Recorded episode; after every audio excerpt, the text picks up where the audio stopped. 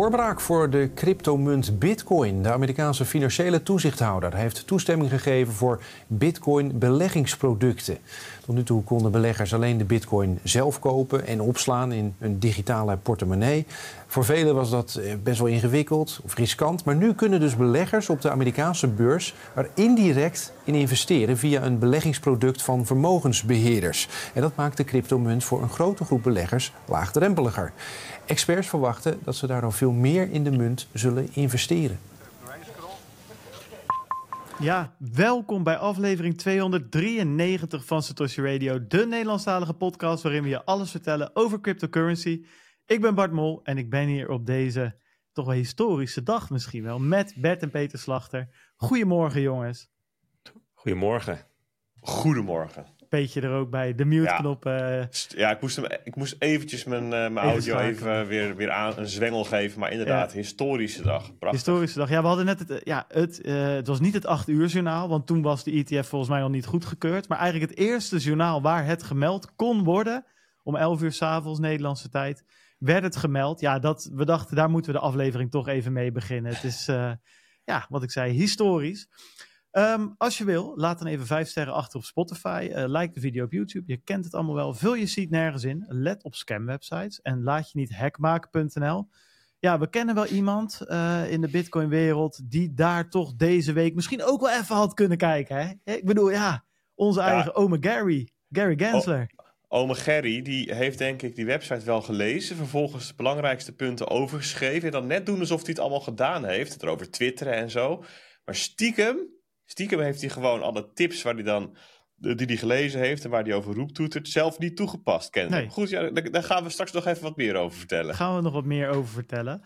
Um, ja, dat doe ik uh, nadat we even onze hoofdsponsor bedankt hebben. Dat is namelijk Bitfavo. Dat is de grootste crypto-exchange van Nederland, waar je gemakkelijk en tegen lage kosten meer dan 200 digitale valuta kunt kopen, verkopen en bewaren.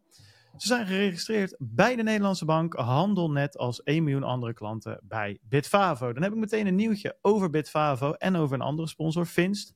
Die hebben alle twee een DCA-optie toegevoegd aan hun platform. Dollar cost averaging is dat. Veel bitcoiners en andere crypto-fanaten zweren daarbij. Zeker als je wat langer in de Bitcoin-wereld zit. Je hebt niet zozeer zin om elke keer te handelen. Je wil dat automatiseren. Je wil zo min mogelijk stress, maar wel gewoon bij blijven kopen. Ja, dan uh, gebruik je een DCA-strategie. Bijvoorbeeld de dag nadat je salaris binnenkomt, koop je voor 200 euro bitcoin. En dat doe je elke maand. En dat hou je op die manier vol. Geen omkijken meer naar. En aan het eind van het jaar heb je dan toch 2400 euro in bitcoin gestopt. Op de hoogste punten en de laagste punten. En er komt een mooie gemiddelde prijs uit. Nou, dat is in een nutshell, in een notendop, DCA. En dat kan dus nu op zowel uh, Bitfavo en Finst. Ik vind dat een leuke toevoeging. Vond ik de moeite waard om eventjes te benoemen.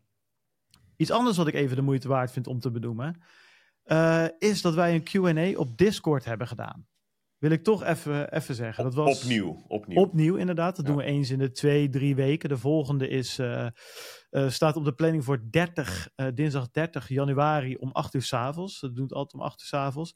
Ja, we hadden op een gegeven moment meer dan 250 man live in het publiek zitten. En ik zeg het publiek. Um, want je kan je hand opsteken en dan kan je op het podium komen, kan je je vraag stellen. Dat werd door meerdere uh, luisteraars gedaan. Het kan ook via de chat. Ja, wij nemen dan een uurtje de tijd om al die vragen te beantwoorden. Nou, dat is eigenlijk superleuk.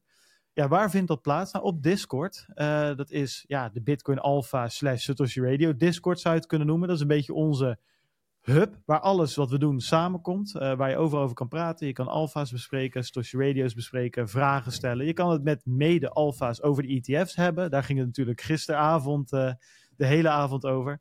En bijvoorbeeld zo'n Q&A uh, bijwonen. Nou, meer dan 3000 alfa's gingen je voor. Op Discord zitten er al een kleine 2000. Dat gaat echt als een jekko. Wil je daar naar bij zijn? bitcoinalpha.nl slash feest. Uh, dan kan je gratis, zonder je betaalgegevens achter te laten, uh, lid worden. En dan krijg je uh, ons grootste, meest veelzijdige abonnementproef tot het einde van januari. Dus dan kan je bij de Q&A's zijn, dan kan je vragen stellen. Je kan de trading setups van Bert bekijken. Je kan het marktkanaal bekijken. Je krijgt alerts in je e-mailbox. Je krijgt de marktupdate in je e-mailbox. Je krijgt de alpha nieuws in je e-mailbox. Nou, het is echt eigenlijk... Te veel om op te noemen. Maar ik, ik wil nog even geprobeerd. heel kort iets toelichten. Discord, dat klinkt moeilijk technisch, alsof het iets is wat je alleen begrijpt als je een soort hardcore gamer bent. Ik kan me zo voorstellen dat het zo klinkt.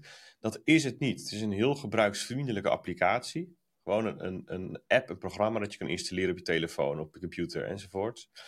Ehm, en het is heel goed in het faciliteren van online communities. Ja, je kunt precies. er inderdaad chatten, maar je kunt er ook ehm, eh, in, een, in een groepsgesprek, eh, aan een groepsgesprek deelnemen. Je kunt er een Q&A organiseren, livestreams. Eh, er zijn forums waar je heel rustig gewoon vragen kunt stellen en kunt beantwoorden, eh, enzovoorts. En geschikt voor jong en oud. We zien Nou. jonge mensen en oude mensen gewoon Wil het ik, lukken om binnen te komen. Van 65-plussers tot, tot eh, de 21-minners. precies, dan wil ik even een kleine shout-out doen naar René. En René die zegt, ik kan overigens niet... ehm, dat hij eh, redelijk kort in Bitcoin zit, de Discord heeft gevonden. eh, dat hij kort, hij kan niet zeggen dat hij kort in het leven zit. Dat zegt hij eigenlijk, want hij is al op deze wereld sinds 1954. Prachtig. Ja, Ja. die vinden dus, eh, voor, ook dat- voor René was het gewoon prima te doen. Het Dus- is goed te doen. Maak je er geen Ja. zorgen. Het is echt leuk. Die Q&A was ook echt ontzettend leuk. Er waren zo ontzettend veel vragen. Zo'n uur is zo kort. Maar je merkt gewoon goede vibes. Ja. constructieve mensen. Precies. Voorbij zou ik zeggen. Kom erbij. En dat kan dus op bitcoinalpha.nl slash feest. Gaan we door met de poll eh, van vorige week. Eh, ja, we hadden natuurlijk vorige week, je zou het bijna vergeten, alle stellingen. Nou, dat is super goed gegaan. We hebben een kleine 500 eh, reacties. Ik wil het nog even een keer op de agenda zetten. We laten, denk ik, de poll of de poll, de, eh, het onderzoek nog even openstaan tot maandag of dinsdag of zo. Even over het weekend heen. Daarna wordt het misschien ook een beetje vals spelen, hè, omdat sommige stellingen toch redelijk tijdsgebonden zijn. Eh, heb je het onderzoek nog niet ingevuld? Ga dan naar satoshiradio.nl slash onderzoek. Hartstikke leuk. Eh, we krijgen er namelijk goede reacties over. Kost je 5 à 10 minuutjes. En dat is leuk. Gaan we volgend jaar weer op terugkijken. En eh, we schrijven er misschien nog een alfa over binnenkort. Eh 80% van de mensen die de poll op Instagram of op eh, Spotify heeft ingevuld, die zegt: Ik vond het leuk, deze opzet van de nieuwjaarsborrel aflevering. Eh, er zijn ook een aantal mensen die zeggen: joh, ik vond het leuk, maakt me niet uit. En een aantal zeggen: joh, volgend jaar weer wat anders. Nou, wie weet. Misschien wel, misschien niet. We gaan het zien. Maar fijn dat dat zo goed in de smaak is gevallen. Ehm, dat komt ook terug uit de reacties eh, op de show. Bijvoorbeeld Michael die zegt, ja, dit vind ik persoonlijk, en ik denk dat ik ook voor Bert en Peter spreek als ik zeg dat dit eigenlijk altijd de leukste reacties zijn. Mensen die in verre orde naar onze podcast kijken slash luisteren. Michael die zegt namelijk, luisterend in de bus naar Port- Puerto Natales in Chili. In Chili, hè? dat is de, redelijk ver van hier, zeg maar. Leuk om de stellingen in te vullen. Dit draagt me uit om even na te denken over de markt. Ik ben nu al benieuwd naar de volgende terugblik in 2025. Ja, Michael, veel plezier daar. En eh, leuk dat je luistert. Ja, ik vind het, ja, wat, ik- wat ik zeg, dit blijft altijd, eh, blijft altijd leuk. Wij vullen het een beetje in en dan zitten we in Rotterdam of achter ons computertje zitten we zo'n aflevering te maken. En we nemen nu digitaal op vanuit onze huis, of eh, vanuit onze ja, rukbunkers, om het zo maar te zeggen. Onze, onze, onze zolderkamertjes. Ja. Onze zolderkamers. een prachtig zal- kantoortje thuis. ja, precies. Ik zal, oké, het kantoortje thuis, ook prima, hoe jullie het Ik vind eigenlijk dat je de, het niveau rukpunken ontstegen bent, eh, Bart, sinds je verhuisd bent. Sinds ik eigen huis heb. Ja, dat is wel waar. En, eh, het kantoortje, noem ik Ja. het zo. Maar goed, dat is geen Puerto Natales in Chili. Hè? En eh, we hebben natuurlijk mensen in China en Nieuw-Zeeland, weet ik het allemaal. Blijft altijd leuk. Laat dat dus vooral weten hè? op Spotify. Vanuit waar luister jij? Dat vinden we leuk om te horen. Op YouTube hebben we een andere prachtige poëtische reactie. Moest ik van de week erg eh, om lachen met Peet. DJ Mindhacker. Die zegt: Eerst zat ik in Bitcoin voor de money, toen voor de tech, toen voor de revolutie. En nu om te mediteren op deze geweldige wekelijkse podcast. Ja, zo, Ja. Er zijn meer mensen die, die, die dat proces doormaken. dit is de roos van onze doelgroep. DJ Mindhacker. Heerlijk. Mm. Nou goed, jongens hebben dat gehad. We ehm, zaten met z'n drieën eh, van tevoren eventjes wat te bespreken. Dit hebben we al een keer eerder gedaan. Kijk, we hebben best een leuke opzet van de show. Hè, we hebben de bookmarks, eh, we hebben de deep dives, we hebben de market date, die zit ertussen. Aan het einde vaak nog wat nieuws. Dat werkt wel mooi af. Mensen zijn er tevreden mee. Maar we kwamen er toch soms ook een beetje tegen, ja, gaan we eerst bookmarks zitten doen, daarna de market date en soms het nieuws dat we eigenlijk moeten bespreken, komt helemaal aan het einde pas. En dan behandelen we het eventjes vijf minuten. Daar moeten we flexibeler in kunnen zijn. Dus, lieve luisteraars. Vandaag gaan we het anders doen. We beginnen natuurlijk met de olifant in de kamer, de elephant in the room. De ETF's zijn goedgekeurd. Na tien jaar is het eindelijk zover, heren. Dus ehm, dat gaan we eigenlijk ja, helemaal doorlopen. En eh, we, we, hebben een hele uh, chronologische uh, draaiboek gemaakt met daarin alles wat wij denken dat belangrijk is, wat we willen bespreken. En we kijken wel waar we eindigen. Als we nog tijd hebben voor wat bookmarks, voor wat nieuwtjes en voor wat deep dives, dan doen we ze. En anders doen we dat gewoon volgende week weer. Deze aflevering staat in het teken van de ETF's. Bert, um, dan vraag ik dat ook even aan jou. Dan geef ik ook een beetje de microfoon door aan jou. Waar zullen we eens gaan beginnen? Wat is een handige uiteensplitsing? Ja, want in heel veel financiële markten is, is zo'n, de komst van zo'n ETF eigenlijk een soort van kleine formaliteit. Een soort van kleine upgrade aan wat er al kan. En een, dat, dat, dat haalt dan pagina 14 een, een klein berichtje of zo. Nou, een ETF ook voor, laten we zeggen, voor... Um, Um, um, nou ja, je hebt, je hebt ook een allerlei graan of zo, of sinaasappelsap, allerlei soorten ETF's heb je. En alleen hier is een big deal. Het NOS-journaal opent ermee. De kranten, noem het allemaal op. En waarom is het een big deal? En eigenlijk denk ik om, om met elkaar te begrijpen wat de impact is van de komst van deze ETF's. Ja, moeten we gewoon um, um, onszelf een hele hoop vragen stellen. En ik denk dat het goed is om gewoon eens bij het begin te beginnen. Wat zijn ETF's nu eigenlijk? En waarom zijn ze dan belangrijk of nuttig in het algemeen? En Laat ik daar eens beginnen. Ehm, een ETF, een Exchange Traded Fund, hè, dus een fonds, een beleggingsfonds, die op een handelsplatform verhandeld wordt. Dat is een, een best nog wel recente uitvinding. Ik geloof in de jaren negentig of zo dat ze daarmee begonnen. Um, ja, dat is een manier om ergens in te beleggen. En dus je hebt ETF's waar, uh, die, via Um, via welke? Ja, hoe zeg je dat in het Nederlands? Hè? Je kunt -hmm. via eh, met ETF's kun je beleggen in aandelen, obligaties, grondstoffen, valuta. En er zijn zelfs ETF's die bijvoorbeeld weersvoorspellingen volgen. Er zijn allerlei ja, die bepaalde futures over het weer. Er zijn allerlei manieren.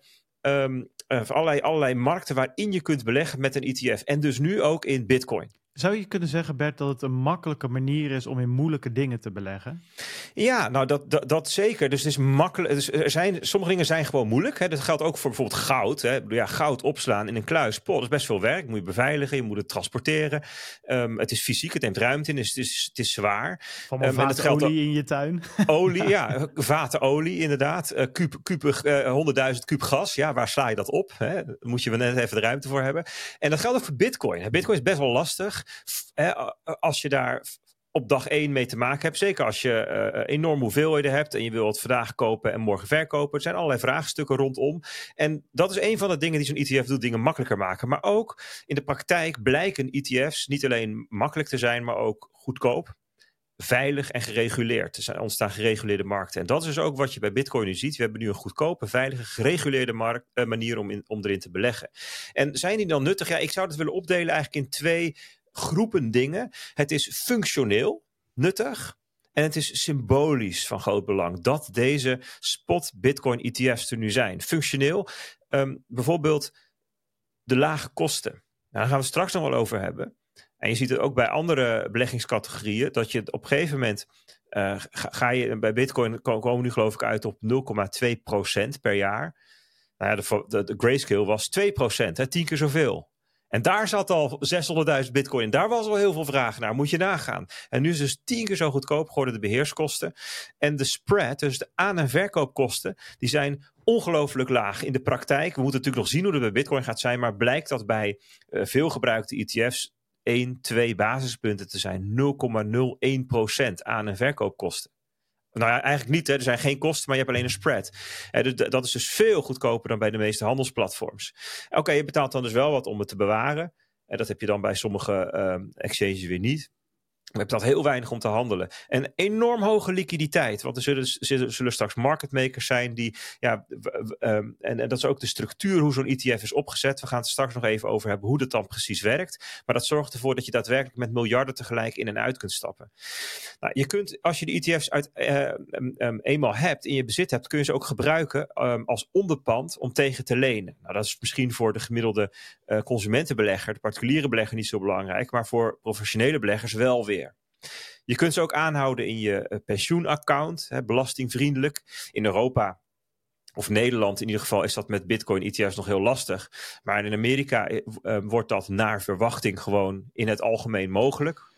Ja, wat was wel een interessante, heel even heel, heel kort, twee dingetjes daar aanstippen. Dat, ging er was namelijk best een goede discussie in de Discord hierover. En er zijn even twee dingen waarom dat nog onduidelijk is. Ten eerste, het is nog even de vraag van kunnen we überhaupt deze ETF als Europeanen gaan kopen? Dat moeten we nog even afwachten. En ten tweede, uh, er hebben mensen zelfs uh, e-mailtjes naar de Giro gestuurd om te vragen van joh, kan ik in mijn pensioenaccount handelen in dit soort Bitcoin ETF's? En daar was het antwoord ja er zit ook nog een soort van verschil tussen complexe en niet complexe producten. En het zou dus kunnen dat je uiteindelijk wel een Bitcoin ETF kan kopen als aandelen of eh, als Nederlandse uh, belegger, maar niet in je pensioenaccount. Dus daar zit ook, kan nog een verschil tussen zitten. Klopt. Dus in Nederland, kijk, dat, laten we die vragen maar meteen even naar voren trekken. In Nederland waren er al en Europa waren er al Bitcoin-ETF's die spot Bitcoin aan, aanhouden. Uh, dat heette dan alleen geen ETF's, maar ETN's. Maar dat, die vallen in hetzelfde boomstructuurtje van Exchange Traded Products. Die heb je gewoon als je naar de Giro gaat en je tikt daarin Bitcoin in het ETF-zoekbalkje. Dan krijg je 25 resultaten van, uh, van, um, van Egg en van Wisdom Tree en noem het allemaal op. Kun je gewoon kopen. Ook overigens Ether en andere uh, mandjes. Dat hebben we in, in Nederland gewoon al heel lang. Um, uh, alleen ze zijn duurder en ze zijn um, minder veilig dan de ETF's in Amerika. En um, je kunt ze dus niet, in ieder geval niet bij de Giro, maar geloof bij alle anderen ook niet, niet in je, in je afgeschermde beleggingsrekening gebruiken. Nou, dat heeft inderdaad te maken, ze noemen dat dan complexe producten, maar het is eigenlijk gewoon een willekeurige keuze, dat willen ze gewoon niet hebben. En um, dat, dat, laat ik zo zeggen, we kunnen ze dus als we met z'n allen naar de Giro gaan mailen, dan kan het zijn dat ze zeggen, nou we gaan er nog eens even opnieuw naar kijken en dan doen ze het wel, weet je wel. Dus het is verder geen juridisch, wettelijk ding, maar het is gewoon een keuze van hun. Ja. Um, in de Verenigde Staten was dit product er tot nu toe dus nog niet.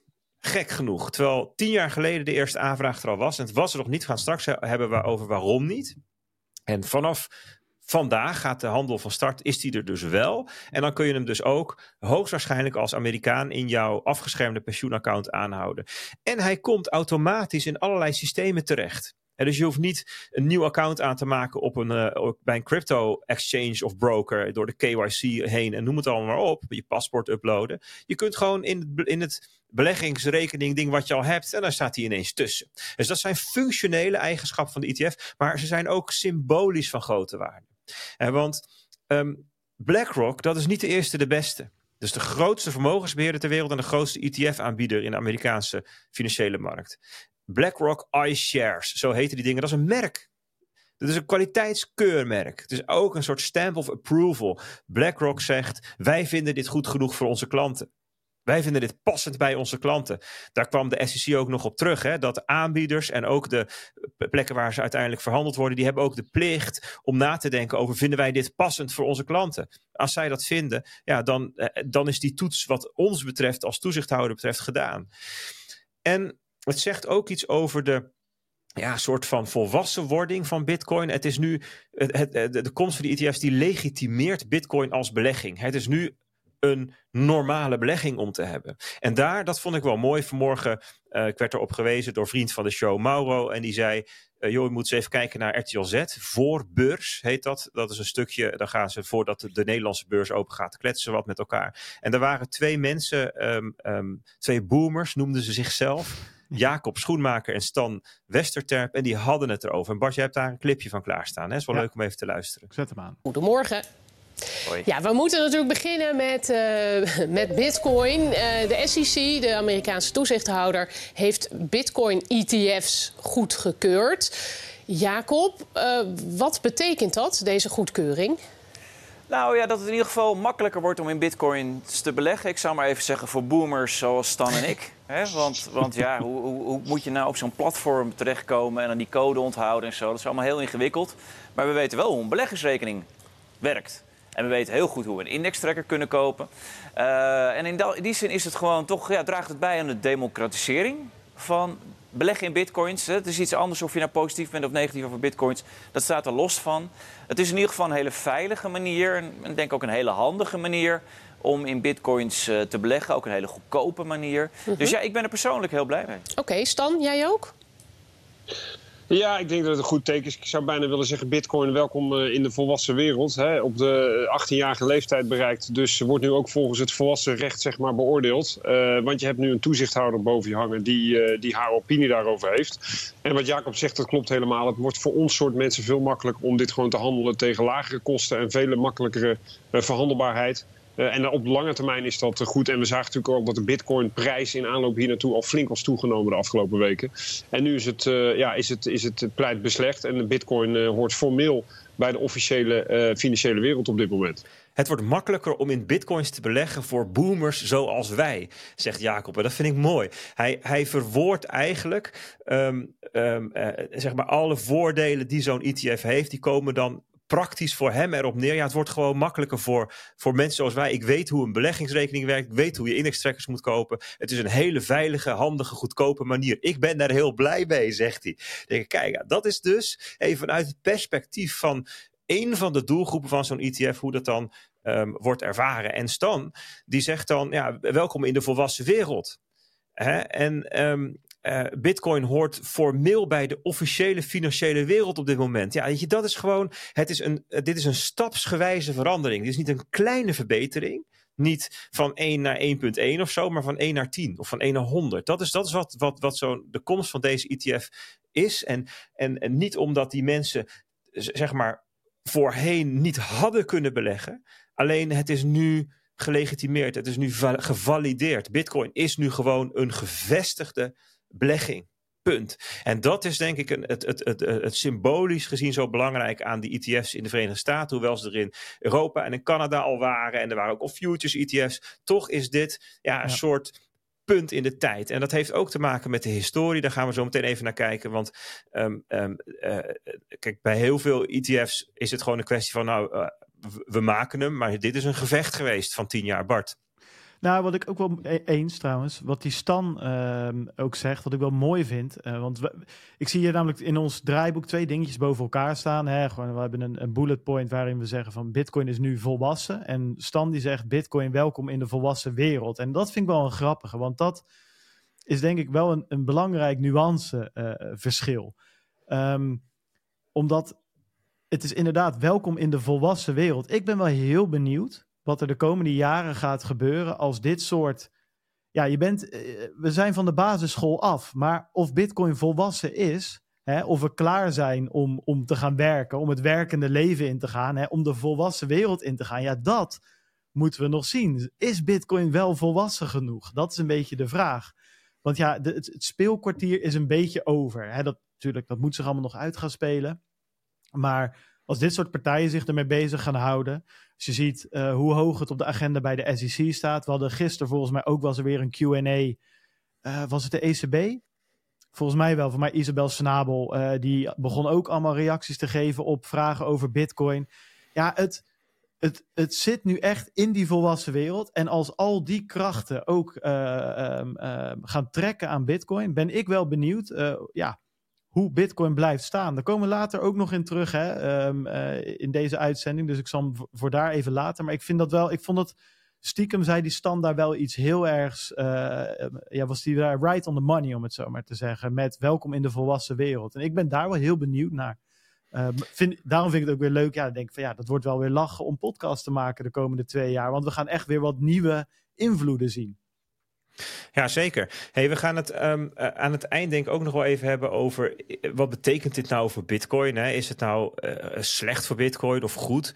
maar ik wil één aspectje daarvan wel even hier behandelen, omdat het te maken heeft met een eigenschap van ETF's, van hoe die dingen werken. En het gaat namelijk over de vraag: is dit, um, kunnen die ETF's dan gaan sjoemelen? kunnen ze dan aandelen in, in de ETF verkopen, zeg maar Bitcoin aandelen, kunnen ze die verkopen? Um, zonder daadwerkelijk bitcoins aan te kopen. En kunnen ze hier, is, dit, is dit dan een manier om, om die 21 miljoen te omzeilen? En het antwoord daarop, en dat heeft een beetje te maken met de vraag, is het wel veilig? Hè? Het antwoord op is nee, dat, dat kan dus niet zomaar. Dat kan niet zonder grootschalige fraude. Want, en daar, daar kwam ook um, um, de SEC, de toezichthouder zelf, nog op terug in hun goedkeurings, um, ja, wat is het, verslagje, rapportje mm -hmm. van, van 2, 23 pagina's, waarin ze dan uiteenzetten waarom ze hebben besloten om het goed te keuren. En daar, dat, daar behandelen ze ook een hele hoop vragen die mensen hebben ingestuurd. Ja, we hebben het natuurlijk elke keer gehad over die comment periods. Hè. Dat zijn dan periodes van een aantal weken geweest waarin mensen eh, hun vragen, commentaar, opmerkingen, kritiek konden inleveren. En dat hebben ze dus allemaal behandeld en gebundeld. En een van de vragen was: kunnen, kunnen die, die, die ETF's nou, of die uitgevers nou uncovered shares uitgeven? dus aandelen zonder achterliggende bitcoin. En het, het, antwoord voor hun is op, om twee redenen dat het niet kan. Het zou op twee manieren een violation van de exchange rules zijn en van de Securities Act. dus dat zijn, dat zijn gewoon um, strafbare uh, overtredingen die dan worden begaan. Dus dat is één kant. En op Twitter had Eric Balchunas, dat is de, de, de, de een van de twee Bloomberg ETF-bazen, ja, die inmiddels ook uh, de tijd van hun leven hebben gehad ja. afgelopen week. die hebben nog nooit zoveel eh, gedragen. ja, nog nooit zoveel op televisie geweest. Maar hij zegt ook van um, in de, um, onder de, de, de um, de Securities Act van 1933, en dat is namelijk dus de, de wet waaronder deze ETF's uitgegeven worden, mogen ze ook niet uh, uitgeleend worden, die bitcoin die in de kluis liggen. Dus straks hebben die ETF-uitgevers bijvoorbeeld 100.000 bitcoin in de kluis, die mogen ze ook niet uitlenen. Dus die moet daar daadwerkelijk blijven liggen. Maar Bert, even advocaat van de duivel. Hè? Uh, sinds wanneer laten bankiers zich stoppen door een uh, strafbaar feitje hier en daar. Nee, dat kan. Dus het kan zijn dat, dat, dat, uh, dat er straks in audits blijkt dat, dat um, BlackRock heeft gefraudeerd. Ja, het zou echt een schandaal van de hoogste orde zijn. Zou nee, ik, ik, ben het helemaal met je eens hoor. Alleen om de, uh, zeg maar, het, het woord kan niet. We zijn met Bitcoin begonnen ooit eens, of Satoshi natuurlijk. Van oké, okay, het kan niet, maar het is toch weer gebeurd. Hè? Het kon allemaal niet, maar we hebben toch weer een financiële crisis. Banks on the brink of uh, bail-out, noem het maar Zeker. op. Dus Zeker, we gaan maar... naar een wiskundig systeem waar het echt niet kan. Gewoon, Klopt. je kan het niet veranderen, want het is code. Code is law. En nu zijn we toch weer een beetje aangekomen op het punt van, ja, het kan niet, want de wet zegt dat het niet kan. Nee, niks maar, te, uh, niks te, nee, maar ik wil deze graag even uit elkaar trekken in um, uh, het, het kunnen veranderen van de regels van Bitcoin. Of het bestaan van die, die specifieke Bitcoins. Mm -hmm. En dat, dat uh, ligt vast in het protocol. En daar heeft BlackRock geen enkele invloed op. Daar, gaan we, daar, daar wilde ik het eigenlijk straks even over hebben. Sure. Maar dat dan even nu ingevoegd. nu gaat het over de vraag: hoe bewaar je dan Bitcoin? Dus ik bezit Bitcoin en hoe bewaar ik die? Bewaar ik die zelf in mijn eigen hardware wallet, in mijn eigen tuin? Begraaf ik hem? Of vraag ik een andere partij om dat namens mij te doen? Dat ja. kan een custodian zijn, dat kan een handelsplatform zijn of dat kan een ETF-uitgever zijn. En dan is de vraag welke van die vind ik dan, als ik het dan wil, graag wil laten doen, welke vertrouw ik het meest? En dan zou je kunnen zeggen dat misschien um, BlackRock wel een betere, veiligere plek is om te bewaren dan een of andere vage Chinese exchange, om, om maar eens wat te noemen. En dus dat is een bepaalde gradatie. En um, uh, op het moment dat je dus bij het, bij het um, uh, bewaarvraagstuk komt, ja, die verschillende bewaarmanieren, die falen om hun eigen reden. Uh, dus BlackRock, die kan jouw bitcoin kwijtraken of daar stomme dingen mee doen, daarmee frauderen. Of zoals Sam Bankman-Fried al deed bijvoorbeeld. Mm -hmm. Maar als jij ze zelf bewaart, dan kun je ze ook kwijtraken. Zeker, dan kun je ook verprutsen. Ja. dus het is niet zo zeggen van ja, dit is slechter. Nee, dit faalt om andere redenen. Zo zou ik het willen zeggen. Kijk, en het verschil is wel Um, uh, als BlackRock. Um, kijk, BlackRock mag. Ze, die mag die bitcoins niet uitlenen. Ze mogen ook geen aandelen uitgeven waar geen bitcoin achter zit. En als ze dat toch doen, dan heb je dus dat de grootste financiële instellingen van de wereld uh, um, hiermee gaan frauderen. Nou, we gaan straks even hebben nog over de inkomsten van die van deze partijen. Ik denk eerlijk gezegd dat dat, dat, dat ze niet waard is. Nee, ja, ik, ik, ik, ben het wat dat betreft helemaal met je eens. Mijn punt waar ik even op triggerde was dat je aan de ene kant mag niet hebt en aan de andere kant kan niet. En Bitcoin nee, maar die kan, ik, vind dat, ik vind dat een valse tegenstelling, omdat kan niet en dat kan niet kan. Daar zit wel de optie dat je het zelf kwijtraakt en zelf verprutst. Jazeker, maar het ging er even om dat uh, BlackRock kan geen uh, papieren bitcoin aanmaken. Nee, ze mogen het niet. Dat, dat is wel voor, het is voor mij wel een verschil, toch? Ja, ja. Maar ik ben het wel met je eens. Ik bedoel, ik zie heus wel het nut van een goede custodian. En ik zie ook het nut van een goedkope ETF. Dat zeker. Alleen, uh, ik, ik haakte even aan op het kan niet stukje. Ja, anyway, ik, ik, ik, ik, denk dat het kan niet stuk zelfs erop neerkomt dat er dan een, uh, een, een conspiracy, een samenzwering moet worden tussen BlackRock en de custodian en de toezichthouder. Want dit, dit wordt gewoon ge, geaudit. Dus ik denk dat, dat alleen, alleen in dat geval dat je een samenzwering tussen dat soort partijen krijgt, dat je dan, dat je dan daadwerkelijk papieren bitcoins kunt uitgeven. Ja, zeker. Dus ik vind, hem, ik, vind hem, ik vind hem wel, laat ik zo zeggen, in mijn waarschijnlijkheidsverdeling zit hij vrij ver rechts buiten in, in de staart van de. Ik ben met je eens. Hij is vrij ver gezocht, maar dat was de financiële crisis van 2008 ook, eh, van tevoren. Nou, maar dat, ja, laten we daar dan meteen even op ingaan. Dat is dan een van de, van de vragen. Hè, van, ehm, ja, maar eh, zijn we nou niet terug bij... In het eerste Bitcoin-blok refereert Satoshi aan de bail-out van de banken. Ja. En de, hè, dus verwijst naar de, de, de crisis in 2008, 2007, 2008. En ik vind dat... eh, en, en is dit dan niet hetzelfde? En, en ik vind dat dus echt anders. Want een bank, het businessmodel van een bank is by design instabiel. Dat is de reden dat we centrale banken hebben als lender of last resort. En ehm, om, eh, het hele doel van een bank is om ehm, korte schulden en lange bezittingen te hebben. En dat, is, dat is lastig. En het hele doel van een ETF-uitgever is om één op één die dingen in de kluis te hebben. Dus ik vind het gewoon geen goede vergelijking dat de banken die omvielen. Waarom vielen ze om? Omdat ze te veel risico hadden genomen. Ze hadden willens en wetens een risico genomen. Hè, die, die subprime mortgages, hè, dus Mhm. de, de, de, de, de hypotheken verstrekt aan mensen die dat niet konden terugbetalen. En dat hadden ze eh, verborgen door ze te herverpakken. Hè, en die, die, die, die collateralized debt obligations en zo heet die dingen. Mhm. En, en, en, en dat is om gaan vallen. Ja, dat, dat, dat is gewoon echt een heel ander, ehm, andere constructie, een ander model dan wat we nu met die ETF's hebben. Ja, dit, dit is gewoon niet dat. Maar mijn punt is, dat mocht ook niet. En achteraf zeiden we ook allemaal, ja, dat mag niet. Maar het kon wel. En dat is... eh, Maar dit Of- dit punt hoeven we niet helemaal uit te strekken. Ik denk dat het op zich wel duidelijk is. Ja, maar het mocht dus wel. Wat ze deden, dat mocht gewoon.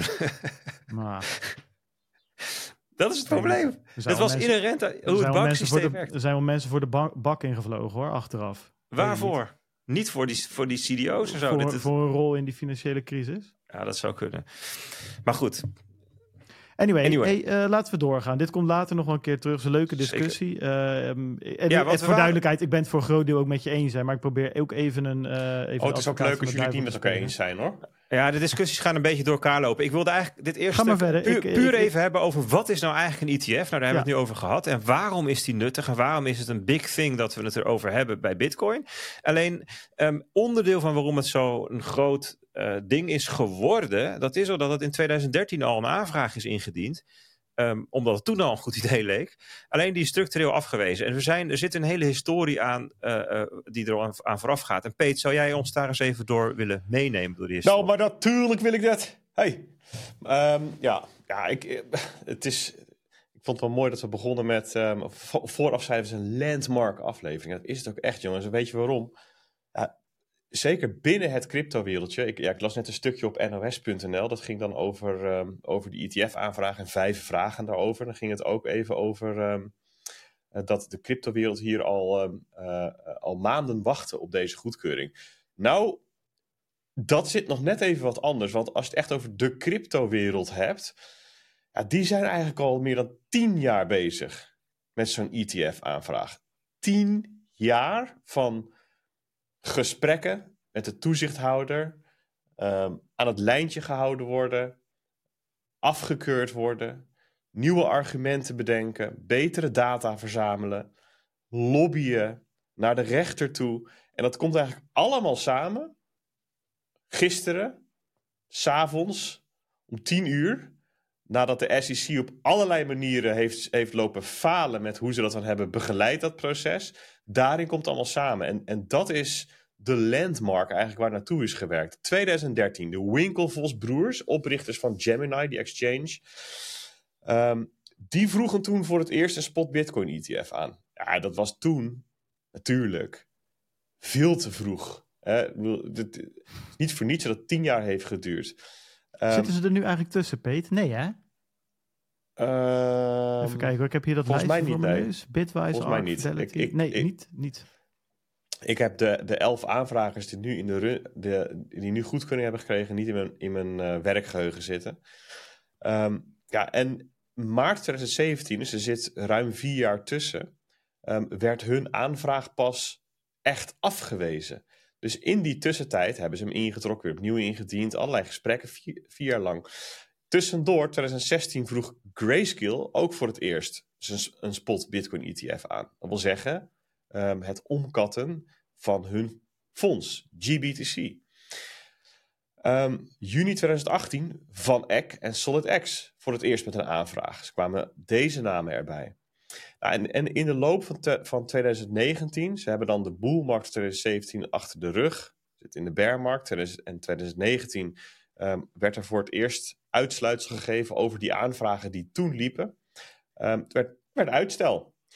Um, en er is ook een aantal keer gewoon verlenging op die uitstelperioden toegepast. Dat mag. Er zijn een soort uitzonderingsregels en normaal zijn het vier perioden. Maar ja, als het niet anders kan, dan kan de SEC dat, ook dat nog weer verlengen met een extended period.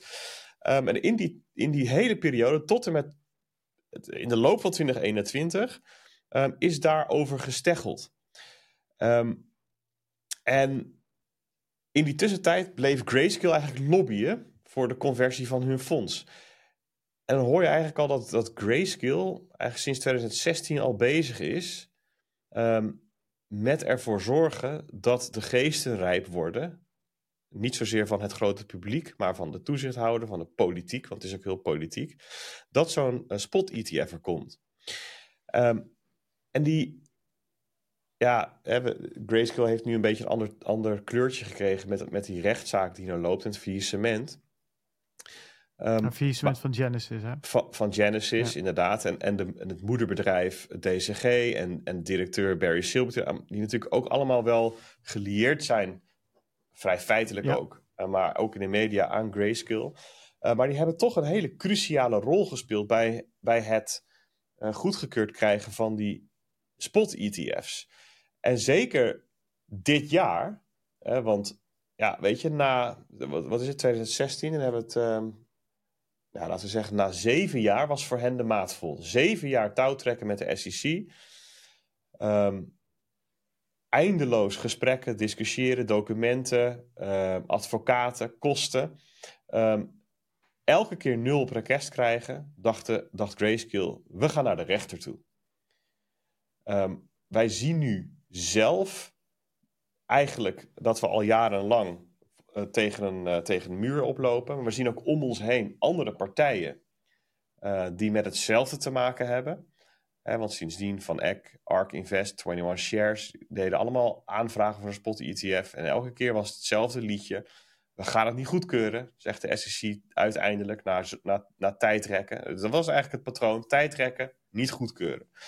we gaan dat aanvechten. Wij vinden dat de argumentatie waarmee de SEC uiteindelijk op afkeuring uitkomt dat dat illegitiem is, dat dat niet klopt.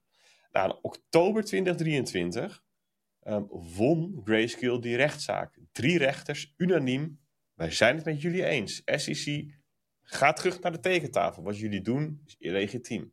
Nou, en tussendoor, een paar maanden daarvoor, gebeurde nog iets. Ja, nog, nog, nog een, ik zou kunnen zeggen, een soort kantelmomentje. Juni 2023 kwam BlackRock met een, met een aanvraag voor een spot Bitcoin ETF. En voor die periode waren er ook nog andere vermogensbeheerders die een aanvraag deden, maar toch zit er een verschil tussen alle andere vermogensbeheerders en BlackRock. BlackRock die ergens gewicht achter zet, zet dingen in beweging. Het is dan niet um, dat BlackRock iets aanvraagt, dat er dan per definitie goedkeuring komt. Ik denk dat het belangrijkste reden uiteindelijk voor goedkeuring de Grayscale-rechtszaak is geweest en de uitkomsten van. Uh, maar BlackRock doet mee. En dat is vooral ook het moment dat de media en de traditionele financiële wereld, dat het voor hen is gaan leven. Ja. En dus wat de NOS schreef van de afgelopen maanden is erop gewacht. Ja, dat is dan eigenlijk vooral denk ik in die context geweest. Want de cryptowereld, ja, daarvoor speelt al veel langer. En, en daarvoor leidt het al tot een, uh, veel langer eigenlijk leidt, leidt, leiden ontzettend veel gebeurtenissen, tijd, geld, energie, tot dit ene moment, tot een soort uitbarsting van ja, hier, we, zijn er dan toch. Um, ja, Bert, jij had er een, een quoteje van Hester Peers bijgezet. Ja, Hester Peers is een van de vijf uh, mensen in de commissie die, die uiteindelijk stemmen. De, de, dus hebben nu drie mensen daarvan hebben voorgestemd. Waaronder Hester Peers. Maar Hester Peers die, die doet het al jaren, voorstemmen. maar vaak als enige. Op een gegeven moment waren het er twee en nu waren het er dan drie. En zij, Commissie zij, van de SEC, hè? Even ja, de commissie van de SEC. Ja, de, nee, de, de, C van SEC Commission, de Securities Exchange Commission, daar zit zij in. En, ja, nee, ehm, oké. ja, er zijn ook andere bedrijven met een commissie. Dus ik dacht even voor de luisteraar. Even ja, Hester Peers die zegt: Today marks the end of an unnecessary but consequential saga. En zij, ja, zij heeft een stuk geschreven waarin ze terugkijkt op die tijd. En ze zegt van, ja, het is eigenlijk zonde dat er zoveel tijd verloren is gegaan. Dat is onnodig geweest dit. We hebben eigenlijk ons werk niet goed gedaan. Dus dat ik vond het wel een mooie quote. Ze begon daar geloof ik ook mee, hè, min of meer, het, stuk. Dus daarom zet ik het er even bij. Ja, het, is, het is voor Hester Pierce die is ook al veel langer hiermee bezig. Natuurlijk alle SC-commissarissen wel. Maar Hester Pierce is altijd dissident geweest. Ook een soort overwinning. Eindelijk kon ze schrijven wat ze wilde. En eindelijk kon zij ook haar soort van haar gram halen ten opzichte van haar collega-commissarissen. Nou, misschien later daar nog wat meer over. Ehm, ja, dus, dus ehm, ja, die, hele historie die lijnde eigenlijk op naar ja, januari 2024. Met toch, hè, met, met als um, ja, belangrijkste mijlpalen de, de, de, de grayscale-rechtszaak en dat uh, BlackRock mee ging doen aan het spel. Ja, die combinatie inderdaad, hè? Maar het is met, met Grayscale hebben we toen de tijd in de podcast ook gezegd. Hè? Toen ging er nog rond op Twitter van oké, ehm, Grayscale wint de rechtszaak. De SEC moet nu wel goedkeuren. Daar hebben wij toen ook van gezegd, nou dat is niet zo. Ze moeten een betere reden bedenken om af te keuren. Dat was het eigenlijk. Maar ja, achteraf kunnen we nu zeggen, ze zijn met z'n allen teruggegaan naar die tekentafel, stonden daar omheen. Kijk, en het probleem is, daarvoor hebben ze waarschijnlijk ook wel eens om die tekentafel gestaan en ook niet per se een goede reden voor afwijzing kunnen bedenken. Maar ja, goed, dan stuur je een grayscale en wat andere cryptobedrijven met een kluitje het riet in. Dat is prima. Maar nu was de implicatie, oké, we moeten terug naar de tekentafel. Deze reden voor afwijzing telt niet meer. Maar de nieuwe reden die we gaan geven geldt ook voor een BlackRock geldt ook voor die andere grote vermogensbeheerders die erbij zijn gekomen. Dus die druk op de achtergrond, ja, dat kluitje en, en het riet, dat kon deze keer niet meer. En inderdaad, precies wat je zegt, die combinatie, uh, dat lees je ook in dat document van de SEC terug, is denk ik uiteindelijk de, de druppel geweest die nou uiteindelijk tot goedkeuring heeft geleid. Zeker, en, en je zou kunnen zeggen um, dat die rechters, of dat SEC, Gary Gensler voorop, min of meer ja, toch wel gedwongen werd om, om de zaak anders te belichten. Uh, dat is wel leuk, want die term uh, dwang, uh, die komt ook terug in een ehm, interviewtje met Hans de Geus. Daar hebben we RTL Z. Die staat dan boven de, de beursvloer in Amsterdam. en die mocht wat commentaar geven op...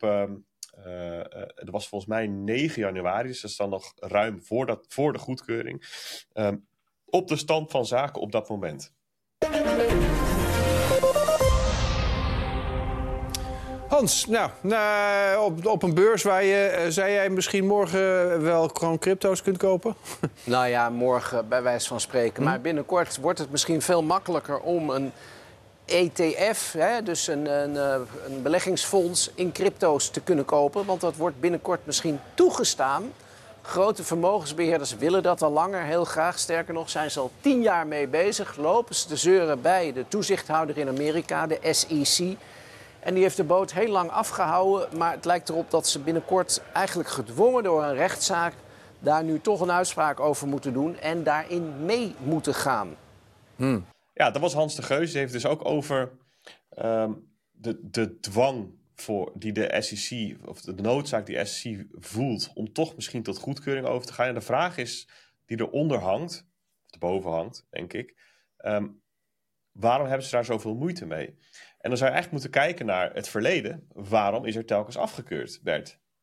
Ja, en ik vond het wel grappig. Eh, Jeroen Blokland die twitterde gisteren daarover, of postte op X daarover. Hij zei, ja, er zijn ETF's die investeren in alcohol, tabak, Rusland, meme stocks, wapens, uh, fossiele brandstoffen, leverages, hefboomhandel, gaming, gestructureerde producten. zijn hele ingewikkelde, complexe producten. De adult entertainment, hè, seksindustrie, voedselprijzen, bedrijven met kinderarbeid en derivatenhandel. Maar hey, laten we de Bitcoin-ETF afkeuren.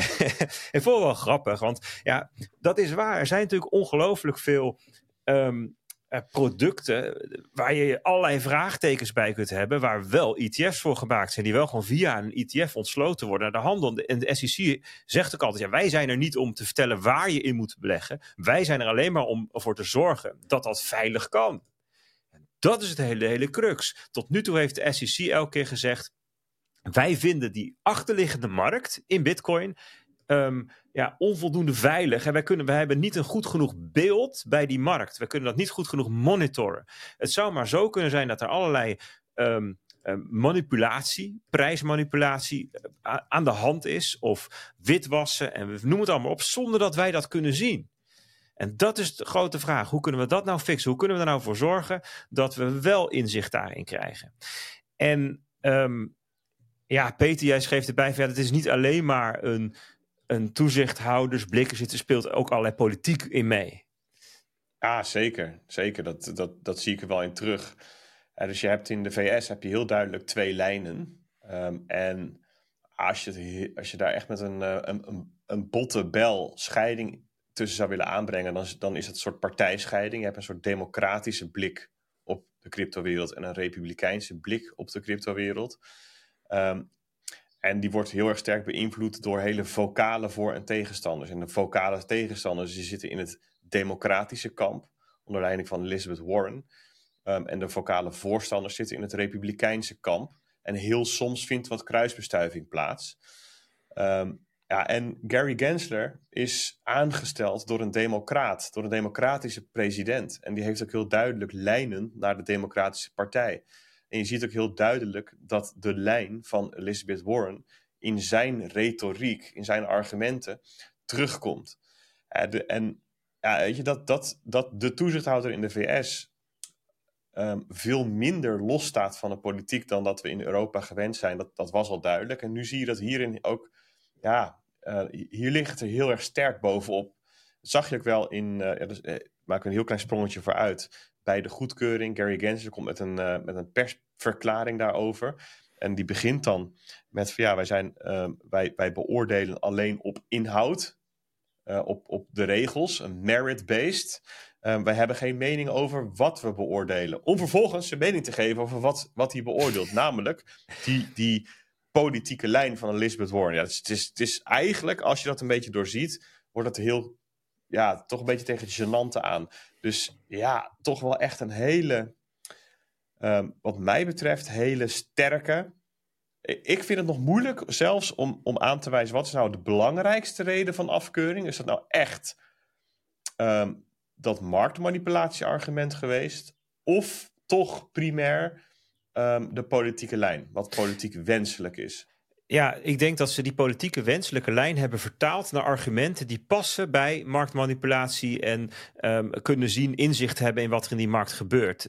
En um, dat is eigenlijk wat er is veranderd door die Grayscale-zaak. Daarin zei Grayscale van jongens, jullie hebben wel futures ETF's goedgekeurd.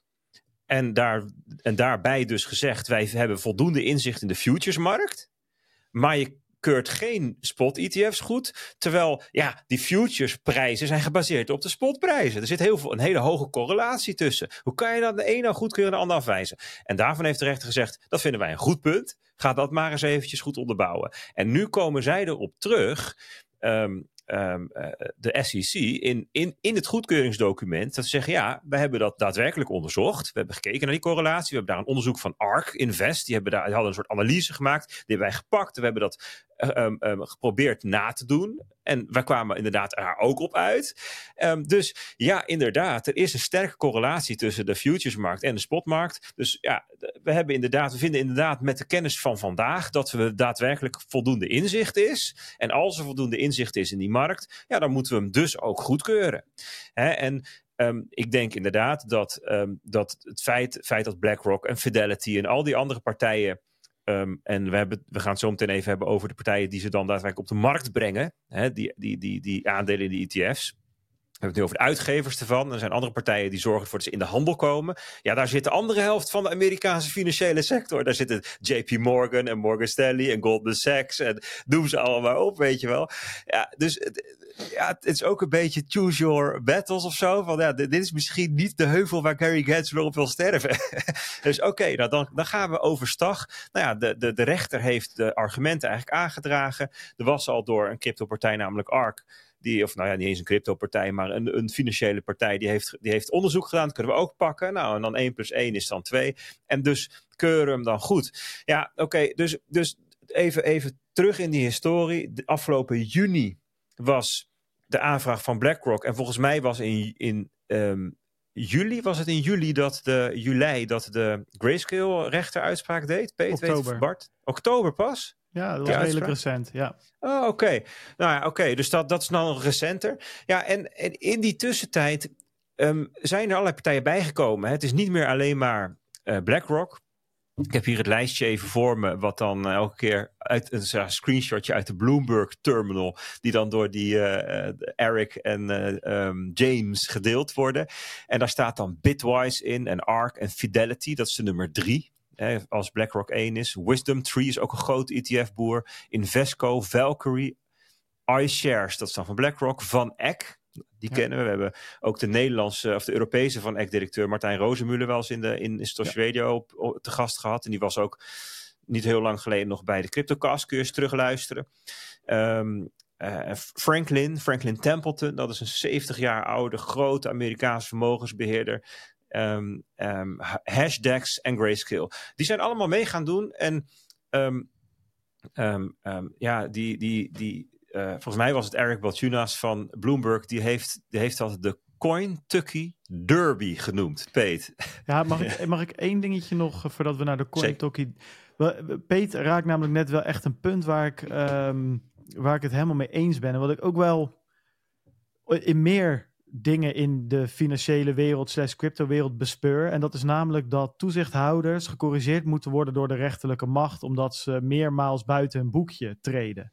Dat zien we hier dus weer, uh, dat de SEC dus uh, zonder goede redenen zo'n ETF afkeurt. We hebben het gezien uh, met Bitonic, die tegen, um, wat was het, de Nederlandse bank een procedure heeft gedaan. We hebben voor mij Bunk tegen de Nederlandse bank gehad. De SEC heeft de laatste tijd sowieso wel meer uh, rechtszaken verloren, volgens mij. Ze winnen niet zomaar alles. Ja, ik weet niet. Ik hoef daar geen heel punt van te maken. Maar ik vind aan de negatief vind ik dat blijkbaar toezichthouders steeds meer inderdaad buiten hun boekje treden en ook een soort van politieke uh, smaak daaraan toevoegen, naast dat ze gewoon de regels moeten uitvoeren en procedures moeten volgen. Positief vind ik dan, laten we positief afsluiten, dat we in ieder geval nog, uh, in ieder geval in dit geval in Amerika en in Nederland, een rechterlijke macht hebben die daar een stokje voor uh, weet te steken en daar wel onafhankelijk in staat. Maar goed, is even iets wat mij triggerde waarvan ik denk, nou, dat is toch een vervelende uh, tendens of zo, dat dat soort overheidsinstanties toch um, ja, niet, zo, niet zo onafhankelijk zijn als dat je eigenlijk zou willen dat ze zijn. In ieder geval niet zo onafhankelijk opereren. Maar goed, de uh, Cointucky Derby. Laten we daar uh, Cointucky Race, wat hadden we? Laten we doorgaan. Vernoem naar een paardenrace, hè? even voor de, uh, voor de duidelijkheid. Dat is een de, beetje het de, idee. De Cointucky Derby is een verwijzing naar de Kentucky Derby. Ja, kijk, als Nederlander zeg je dat misschien niet zoveel. Als Amerikaan al veel meer. Het is een hele grote paardenrace. 150.000 toeschouwers in een weekend. Het is een beetje een soort GP van de paardenracewereld. Um, ja, en voor de voorbereidingen die worden getroffen. Ik, ik denk dat er een soort analogie is gemaakt tussen um, waar je naartoe leeft bij de start van zo'n paardenrace. De voorbereidingen die je moet treffen, uh, de concurrentie te slim af zijn, uh, misschien toch met een verrassing naar buiten komen. Alles om die race te kunnen winnen. Ja, en zo zagen de laatste weken, zeker de laatste week, zag er ook uit. Alles werd onder een vergrootglas bekeken. Alles wat die partijen naar buiten brachten alle documenten die bij de SEC werden ingediend. En al heel snel werd duidelijk van oké, okay, um, er gaat zometeen een race starten. Die wordt vurig, misschien wel een beetje bloedig.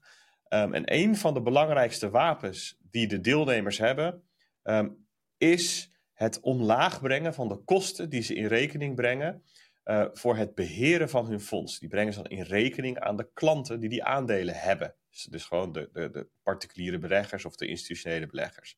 De fees Ehm, en steeds ging het naar beneden toe. Het, start, het, het startte, ik geloof, op een um, uh, 49 basispunt of zo, 0,49 procent. Hoger nog hoor, 0,8 zelfs. Maar we komen natuurlijk af van de 2 procent van Grayscale. Dat was ooit het anker. Toen gingen ze naar 0,8. Toen dachten we al van, nou, een stukje lager dan die 2. 0,8 en dat werd dan 0,49 en dat werd dan 0,3, 0,25, 0,20. Echt bizar. Zeg maar, hier, hier um, voor, voor ingewijden in de ETF-wereld, de ETF-specialisten, analisten, was dit dus een mind-blown moment. Dit gaat naar het kostenniveau van de allergrootste, meest liquide aandelenindexen die we kennen. De allergrootste daarvan is de SPY, die zit op 9 uh, bips, dus 0,09 procent. De, de, de nummers 2 en 3 zitten op 0,03 procent, 3 bips. Um, die worden door uh, Vanguard uitgegeven, geloof ik, hè Bert? Uh, maar als je gaat kijken naar de Nasdaq, daar zit de grootste ook gewoon op, op 20 bips, 0,20 procent. Dus dat betekent dat ze zo groot zijn, dat ze zoveel volume hebben, dat ze met zulke lage fees alsnog winstgevend zijn. Ja, dus, dus geen volume, want het gaat hierbij, ze verdienen niet aan volume, maar ze verdienen aan AUC of AUM, dus assets in de kluis. Dus hoeveel zit er uiteindelijk in het fonds? Ja, oké, precies. precies. ja. Het is een management fee. Dus zij rekenen die fee over wat er uh, in de kluis zit. Ja, dus wat, wat betekent dat? Nou, het betekent dat die partijen zich uh, klaarmaken voor een strijd uh, om de grootste instroom van kapitaal. Wie wordt de grootste? Met als verlengstuk het vervolgvraag: wie blijft er over? Ja, want met deze tarieven is het gewoon ondenkbaar dat er uiteindelijk elf of meer fondsen overblijven. Um, die daar die winstgevend uh, kunnen opereren. Dat, ja, zo werkt dat gewoon niet. Het is, het is dus een spel van netwerkeffecten, zo'n zo'n fondsenmarkt. Um, de grootste, de winnaar, blijft over. Ja, misschien dat er één, twee of drie winnaars overblijven. Misschien dat er nog een fonds in leven wordt gehouden. Um, zelfs verliesgevend. Of er zijn een aantal kleine die het heel goedkoop kunnen. Uh, en me gewoon in een portefeuille willen. Het is wel maar grappig waar, dat, uh, dat de cap is ook 21 miljoen natuurlijk. Bedoel je? Nou ja, als het assets under management zijn, ja, meer dan 21 miljoen bitcoin kan je niet under management hebben. Ja, dat, dat wordt in dollars uitgedrukt. Maar inderdaad, dat, in, in aantal bitcoin in de kluis kunnen ze nooit hoger komen dan 21 miljoen. Nee. Uh, maar in, in dollars uitgedrukt, en de management fees die worden ook natuurlijk in dollars uitgedrukt, kan dat op en neer gaan. Met de prijs, uh, ja. Met de prijs van bitcoin. Hè? Dus, dus ja, daar zit, daar zit ook een deel van de upside natuurlijk voor die, uh, voor die fondsbeheerders. Um, ja, dus, dus we zitten nu um, in het verhaal denk ik nog op 9, 9 10, 9 of 10 januari. Hè, dus de goedkeuring is nog niet geweest. Maar dit zijn dan de partijen, Bert noemde ze het even, die zich aan het klaarmaken waren voor de race um, die op het start zijn wacht van de SEC. En dan zie je, uh, in aanloop naar die race wordt er al gestreden met de fees. Nou, en even wat betreft die fees, een goede vervolgvraag is: oké, misschien starten ze gewoon laag, maar gaan ze later die fees weer omhoog gooien? En dus is er eerst een strijd om het binnenhalen van, van, de, het, van het meeste kapitaal. En als je dan eenmaal gewonnen hebt, doe je toch lekker die fees weer omhoog. Ja, dat is helemaal geen gekke gedachte. Heel logisch om zo te denken. Uh, maar, ja, dat vond ik wel opvallend Eric Belchenes, die uh, eh, ETF-specialist van Bloomberg, ja, die zei eigenlijk van ja, dat gebeurt eigenlijk in de praktijk niet. Hij zegt ETF's only cut fees, never raise them. Advisors would flip out if they did and their brands would be stained. Ja, dus feitelijk, um, het is een soort padafhankelijke keuze die ze hier hebben gemaakt. Eenmaal een lage fee ingesteld, gaat um, de hele industrie erachter, waaronder financieel adviseurs, gaan er ook vanuit dat die fees zo laag blijven. Zij hebben gesprekken met hun klanten bijvoorbeeld hierover. Um, en zij, zij, adviseren wellicht allocaties voor langere jaren. Ja, als je ineens die rekensom uh, ja, onjuist inva invalideert door te zeggen van ja, we, we, we, we gaan gewoon nieuwe fees in rekening brengen. Ja, dan heb je hele, een hele uh, heel leger aan boze adviseurs in je nek. En dat is dusdanig vervelend En dat het in de praktijk dus nooit gebeurt. Ehm, Eric zegt er nog bij: This is reason 36. Hij bedoelt gewoon een van de vele redenen. Why ETF's are so popular with investors. Um, they, dus de fondsbeheerders, don't pull shit like that. Money flows to where it's treated best. Um, ja, ik zie hier een, een, een, een, een donatietje langskomen, Bart, die hierop inhaakt. Die, die geef ik even aan jou, mag dat? Nou, zeker. Dan lees ik hem even voor. Donald Musk, 10.000 sats, die stuurde op 8 januari eigenlijk precies de vraag die je net beantwoordt. Uh, die nou, zei, ja, wel. Die, nou ja, of niet, maar pak ja, nee, wat hij zegt, hij zegt van, zou het niet slim zijn om naar 0,01% te gaan. Gewoon als trucje om zoveel mogelijk mensen binnen te halen. Ja. En dat is dus het antwoord daar. Dus, dus nee, omdat je dan dus niet meer omhoog komt. En dan ben je dus de pineut. en je kunt niet naar 0,01%. Want ja, dan, dan, dan, dan maak je verlies. Dan maak je domweg verlies. Dan, dan ga je eraan failliet. Nee, maar precies, dat is dus precies om de reden die Peet net zegt. Omdat je blijkbaar nooit meer omhoog kan. Dat is ja, een soort je kunt van, uh... dus gewoon niet stunten met fees. Ad, nou ja, niet Andere tijdelijk. woorden, met andere woorden, um, het binnenhalen van um, je omzet, binnenhalen van kapitaal, dat, moet via andere wegen. Namelijk ofwel inhoudelijk via uh, financial uh, advisors. dat is een uh, veel grotere groep dan wat wij gewend zijn in Nederland, in de VS. in Duitsland is het overigens ook al meer gebruikelijk om die te gebruiken. Of via marketing. Marketingkanalen, campagnes.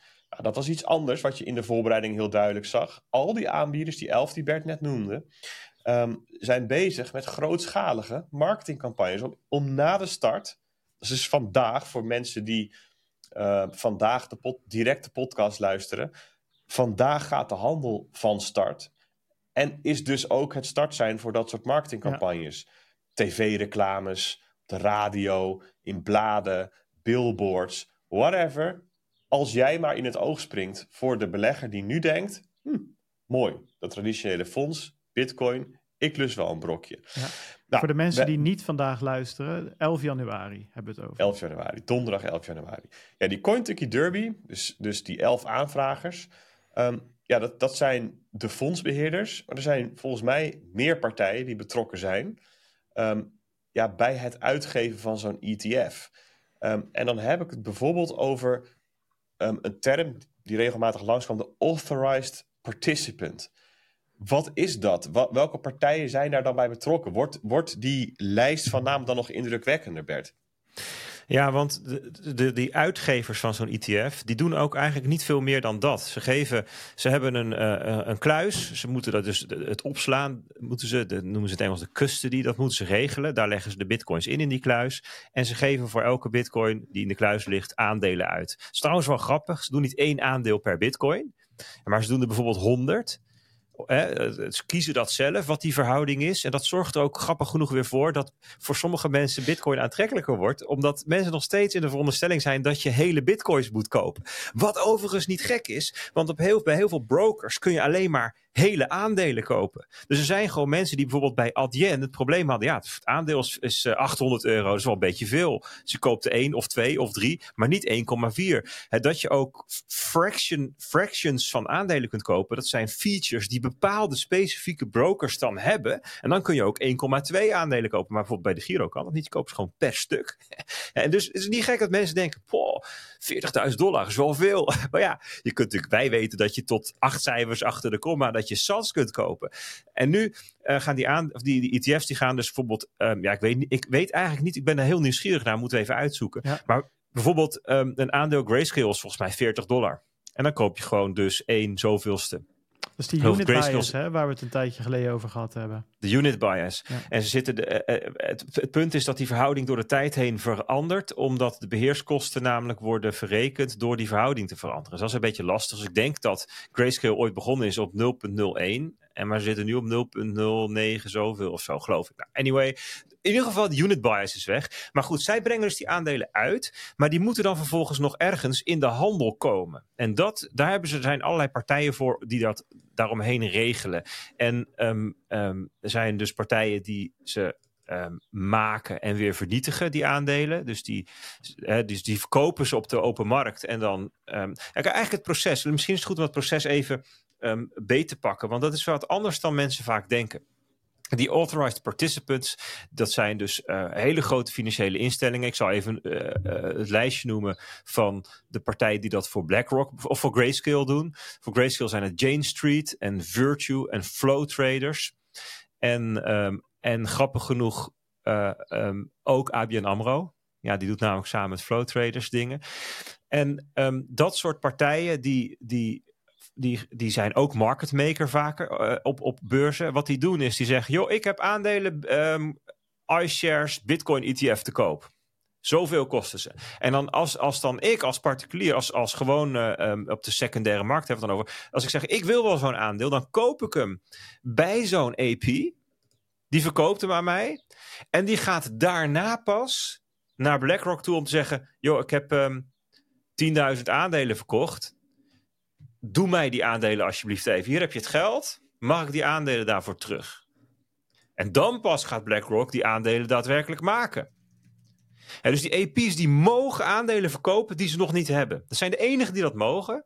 Zij mogen binnen de dag, ze moeten het dan, aan het eind van de dag moeten ze dat dan settelen, moeten ze dat fixen. Maar binnen de dag mogen ze kopen en verkopen zonder dat ze dat hebben die handel faciliteren. En dan moeten ze daarna naar de, de, de, de uitgever van, naar, naar de ETF-uitgever en zeggen: joh, ik heb er 10.000 verkocht, ik heb er uh, 5.000 gekocht, netto 5.000. Ik moet 5.000 aandelen bij jou maken. En als het andersom is, moet ik er 5.000 vernietigen. Zeg, hier heb je 5.000 aandelen, vernietigd die mag het geld terug.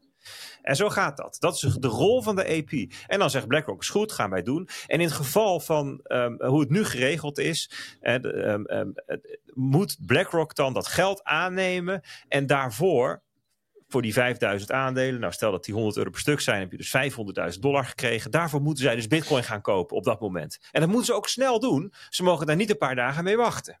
Ze moeten dat op dat moment gaan regelen.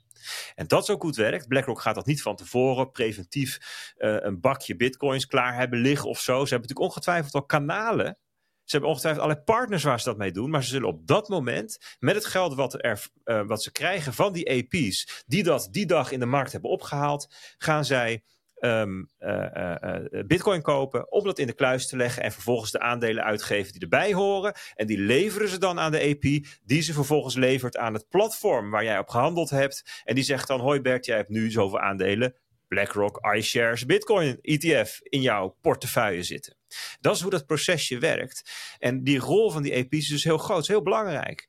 Um, en we zeiden net al van, um, ja, je hebt dus elf ETF-uitgevers, maar de andere helft, hè, zou ik maar even zeggen, van de financiële sector is er ook bij betrokken. Want daar zitten bijvoorbeeld alle grote zakenbanken, Goldman Sachs, JP Morgan. Eh, notabene JP Morgan's uh, CEO, die zegt altijd bitcoin is rattengif. Hè? Maar ja, hij doet wel mee met het feestje, want hier staat natuurlijk gewoon een hele hoop geld te verdienen. Hij gaat gewoon die aandeeltjes BlackRock, die gaat hij gewoon verkopen hoor aan zijn klanten.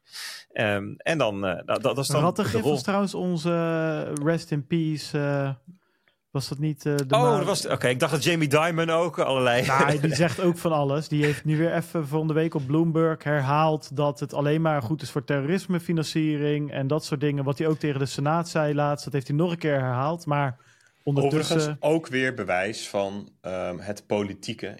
Hè, dat het politieke vermengd is in het, in, met het financiële systeem, obviously. Uh, want ook voor hem geldt, um, is een prominente democraat, zit min of meer in het kamp van Elizabeth Warren. Um, de CEO van BlackRock, Larry Fink, ook, zit ook in de, democraat, in de Democratische Partij, ook een prominent figuur, maar distancieert zich, dus stelt zich anders op dan de CEO van, uh, van JP Morgan. Um, en ja, die, je zou kunnen zeggen, die is op dit gebied een soort van progressieve democraat. Die, ja. die positioneert zich eigenlijk ten opzichte van de Elizabeth Warrens van deze wereld. Die zegt van jongens, bitcoin, um, dat is een, uh, een kwaliteitsproduct. Hier, hier, worden, hier worden dingen uitgevonden die ertoe doen. En, oh, heel goed. En om even, even de, alvast een klein brugje te maken naar de, een stukje marktupdate, wat we, waar, die we straks nog krijgen. Peter had het net over die, die Cointucky Derby. Dat gaat over zo snel mogelijk, zo groot mogelijk worden. Want als je groot bent, dan kun je zelfs met maar 20 basispunten aan kosten toch nog een hoop geld verdienen en al je kosten betalen. Want mind you, kosten hebben ze hoor. Ze moeten natuurlijk per bitcoin gewoon betalen voor de opslag. Maar ze hebben natuurlijk ook al duizenden uren aan hele dure, dure juristen gemaakt. Ze gaan tv-campagnes inkopen, noem het allemaal op. Ja, wil je geld verdienen, moet je groot worden. Um, en nou is natuurlijk de vraag, hoeveel geld gaat er dan straks instromen? Dat is een heel belangrijke vraag. Daar gaan we straks naar kijken. En um, het kan best zijn dat in die eerste dagen er allerlei geld inkomt wat niet direct voor vraag naar bitcoin zorgt, omdat dat namelijk geld is wat nu al in bitcoin zit. Alleen in een andere vorm. Of partijen die al bitcoin in de kluis hadden liggen, of die hadden um, aandelen uh, uh, Grayscale of, of Bito, weet je, dat futures fonds, of op een andere manier. En die zeggen, joh, wij willen wel, ik maak een deeltje, ik wil wel de eerste dagen daarin in dat fonds van jou. Het is toch maar 20 basispunten, hartstikke goed, mooi deal. En dan heb jij een beetje een groot fonds. En ik vind het, ik, ik vertrouw dat wel. En handje klap, weet je wel. En dat is hartstikke goed. En dat, dan, dan, dan zegt dus de ene zegt, oh, ik heb 200 miljoen aan vraag klaar liggen. En dan BlackRock zegt, ik heb al 2 miljard aan vraag klaar liggen. Dat klinkt hartstikke leuk, maar dat hoeft dus niet noodzakelijkerwijs voor aankopen van bitcoin gaan zorgen. zeker in de begindagen heb je dat soort deeltjes achter de schermen. Um, vaak via die authorized participants, daarom noemen we hem nu ook even, die hebben natuurlijk hun eigen netwerken, die vragen dat uit en die regelen dat zo. Het is eigenlijk onderdeel van de, van de, van de beeldvorming, van de, van, van, van de marketingcampagne zou je kunnen zeggen. Ja. Wat maar, trouwens nog wel grappig is, even uh, voordat je verder gaat, dat Elizabeth Warren uh, vorig jaar met die banking crisis ook um, um, Jamie Dimon en JP Morgan in de crosshairs had. Uh, omdat toen eh, JP Morgan First Republic overnam. En uh, dat vond ze niet zo'n goed idee. Dus ook wel grappig dat, dat, dat dat toen zo was. Ga verder, Bert. Ja, maar in, in het algemeen is het dus zo dat, dat, dat als straks mensen, beleggers, die in de ETF gaan instappen, dan kopen ze dat op een brokerplatform. En dan kopen ze dat van zo'n EP. En die EP gaat dan einde dag, daags gaat die naar de eh, ETF-uitgever om daar die aandelen op te vragen. En die ETF-uitgever die gaat op dat moment bitcoin kopen en, en aandelen uitgeven. Dat is het procesje. Dat is de rol van de EP's. En um, nou ja, nu heb je eigenlijk een beetje een overzicht over de hele werking daarvan. Is er en geen de rol handel ook... tussen, uh, tussen... Kan ik geen ETF van jou kopen? Um, ja... Uh, nee, dat zit dus in principe in dat je, je handelt eigenlijk altijd tegen een market maker. In principe. Kijk, het kan zijn dat ook andere partijen uh, limit orders in orderboeken zetten. Maar de praktijk is dat die. Dat, ja, dat kan, in theorie kan het, hè, maar de praktijk is vaak zeker op brokerplatforms dat je tegen een market maker okay, handelt. Duidelijk. Oké. En er zijn natuurlijk ook nog OTC-deals, over-the-counter deals. Tuurlijk gebeuren gebeur er allerlei handel omheen, maar dit is even de, de basis. Goed, we zijn een beetje aangekomen op het punt dan, op ja, gisteren eigenlijk, hè, 10 januari. En uh, nee, dat zeg ik fout. Zijn aangekomen bij eergisteren, dinsdag 9 januari. En dat ligt precies in het midden van die driedaagse periode, 8, 9, 10 januari. Waarbinnen um, ja, het realistischerwijs te verwachten was dat er een uitspraak mm -hmm. over gedaan werd. Hè. Dat was namelijk dan drie dagjes dat geen enkele van die elf aanvragers in de zogenaamde comment period zat. Hè. Dat is dan de periode dat mensen um, uh, hun mening erover mogen geven, mogen insturen. Dan wordt doorgaans niks goedgekeurd. Nou ja, en dan, dan zou, dat, zou het kunnen zijn dat op een van die, die drie dagen er een, witte rook door de uit de schoorsteen komt. Dus we zaten elke dag te kijken en te kijken. En toen kwam ineens gisteren. Uh, ja, uh, eigenlijk alle papieren waren ook inmiddels ingediend. Er was een, was een wedstrijd van wie kan er het goedkoopste worden. En alles lag klaar. En toen ineens was er uh, witte rook, Peet, gister, uh, dinsdagavond. Voordat we, tien, voordat we verder gaan, ik gooi hem er nu even in. Dan hebben we hem gehad, dan vergeten we hem niet meer. Dan zit hij mooi in het midden van de uitzending. Even een bedankje in deze historische in uitzending. ik, ik, weet dat we hem iets later hadden, jongens. Maar anders wordt hij wel erg laat in de uitzending. Dus schuif hem ietsjes naar voren. Eventjes onze sponsoren bedanken. Die ook deze historische aflevering mogelijk maken. Anycoin Direct, Watson Law, Amdax, Finst. En dan ook natuurlijk onze hoofdsponsor Pitfavo. Peet, uh, de chaos inderdaad. Jij mag het trappen. Ja, nee. Wat gebeurde er allemaal? ik, ik vond vooral het midden vond ik wel optimistisch. Ja, ja goed. Kind of. Be meer in het midden dan als we nog langer wachten. Laat ik het zo zeggen. Ja, ja, ja. Dat, mooi. Um, ja, nee, klopt. Dit, dit, was echt... Volgens mij... Um, uh, ja, er kwam een... een, een uh, ja, volgens, volgens mij kreeg ik een berichtje van Bert. Van, hey, is dit, is dit echt? Is het real, vroeg ik. Ja. Is het real? Op een, een direct message op Telegram. Ehm, en toen keek ik, nou, de, de, het op Twitter, @scc_golf, uh, twittert... ehm, vandaag eh, geven, we geven we groen licht uh, aan alle Bitcoin ETF's met, met Bitcoin als hashtag. Dus dit staat er ook zo'n Bitcoin symbooltje achter. Um, en, en ze mogen genoteerd worden op, op de, de National Securities Exchanges. Daar ja, en, en met, met zo'n plaatje erbij, Gary Gensler, mugshot, quote. Um, ja, weet je, het is, het is daadwerkelijk het, het SEC Twitter-account. Ja, ik bedoel, ik had dit niet, ik had niet verwacht dat de SEC naar buiten zou komen met een soort tweet waarvan je denkt: oh, oké, dat is ook gelijk een hele andere toon dan, dan, uh, ja. dan we tot dusver van ze gewend zijn. Maar ja, weet je, wie ben ik om, om dat nou, vervelend te vinden? Was... dit, is, dit is goedkeuring. Dus ik ook gelijk op Discord een alertje uh, van: uh, jongens. Hij, hij, is er. Het is goedgekeurd. Het is ook, dit was ook vlak na de QA. Dus wij zaten heerlijk in, in een hele goede flow. Ja. En ja, ja. ja. het was ook grappig, Peter. Er was die week nog, hè, ook in de Discord, uh, in, in de vragen set, het vragentopic kwam Janneke. Die vraagt, ja jongens, ik ben een beetje nieuw in die crypto sector. Hoe weet ik het meteen als er een ETF besluit is? En ook de antwoorden daaronder. Nou, volg onze Discord. En natuurlijk het, het SEC-account op Twitter. Die kan je ook volgen. Nou, dus dat, ja, dat liep allemaal in de soep. Dit, dit, dit is het. Weet je, Janneke, hier heb je gelijk je antwoord ook. Een alert van Bitcoin Alpha. Dat zit eigenlijk altijd in de roos. Tot nu toe dan. Want, nou ja, weet je, die Bitcoin-prijs die pumpte. Hij dumpte. En na een kwartiertje komt Ed Gary Gensler op Twitter naar buiten. En ik, ik nog kijken naar die Twitter-handle. Is het, is de echte Gary? Ja, het is de echte Gary Gensler. Komt-ie. The SEC Gov Twitter account was compromised. Unauthor an unauthorized tweet was posted. The SEC has not approved the listing and trading of spot Bitcoin e- uh, exchange traded products. Ja, het is heel klein. Ehm, ja, weet je, dan zak je broek wel weer op je enkels. Hoe, hoe is het mogelijk? Maar dit is. Het was al een script dat je van tevoren, zeg maar, als je in 2013 dit volgt, moeilijk vooraf had kunnen invullen, kunnen schrijven. Er zaten al allerlei plot twists bij. Maar nu werd het toch wel echt een soort Quentin Tarantino-achtig. Op de vooravond van de goedkeuring wordt het Twitter-account van de SEC, die notabene zelf elke maand ons, het publiek oproept om heel goed te kijken naar je online veiligheid. En daarbij zegt, geloof alleen ehm, de SEC als de SEC het zegt. Uitgerekend die blijkt dan gehackt te zijn. Ja.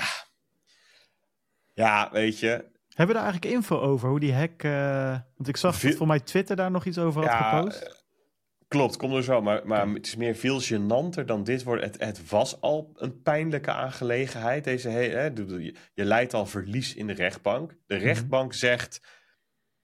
keurt eigenlijk het optreden van de SEC en Gary Gensler af. Die, ja, ze, ze, ze noemen het pedant, weet je. Wat jullie tot nu toe doen. Hou je nou aan de regels. Hou je bij de feiten. En laat je persoonlijke mening nou eens eventjes weg. Heeft hij niets te zoeken?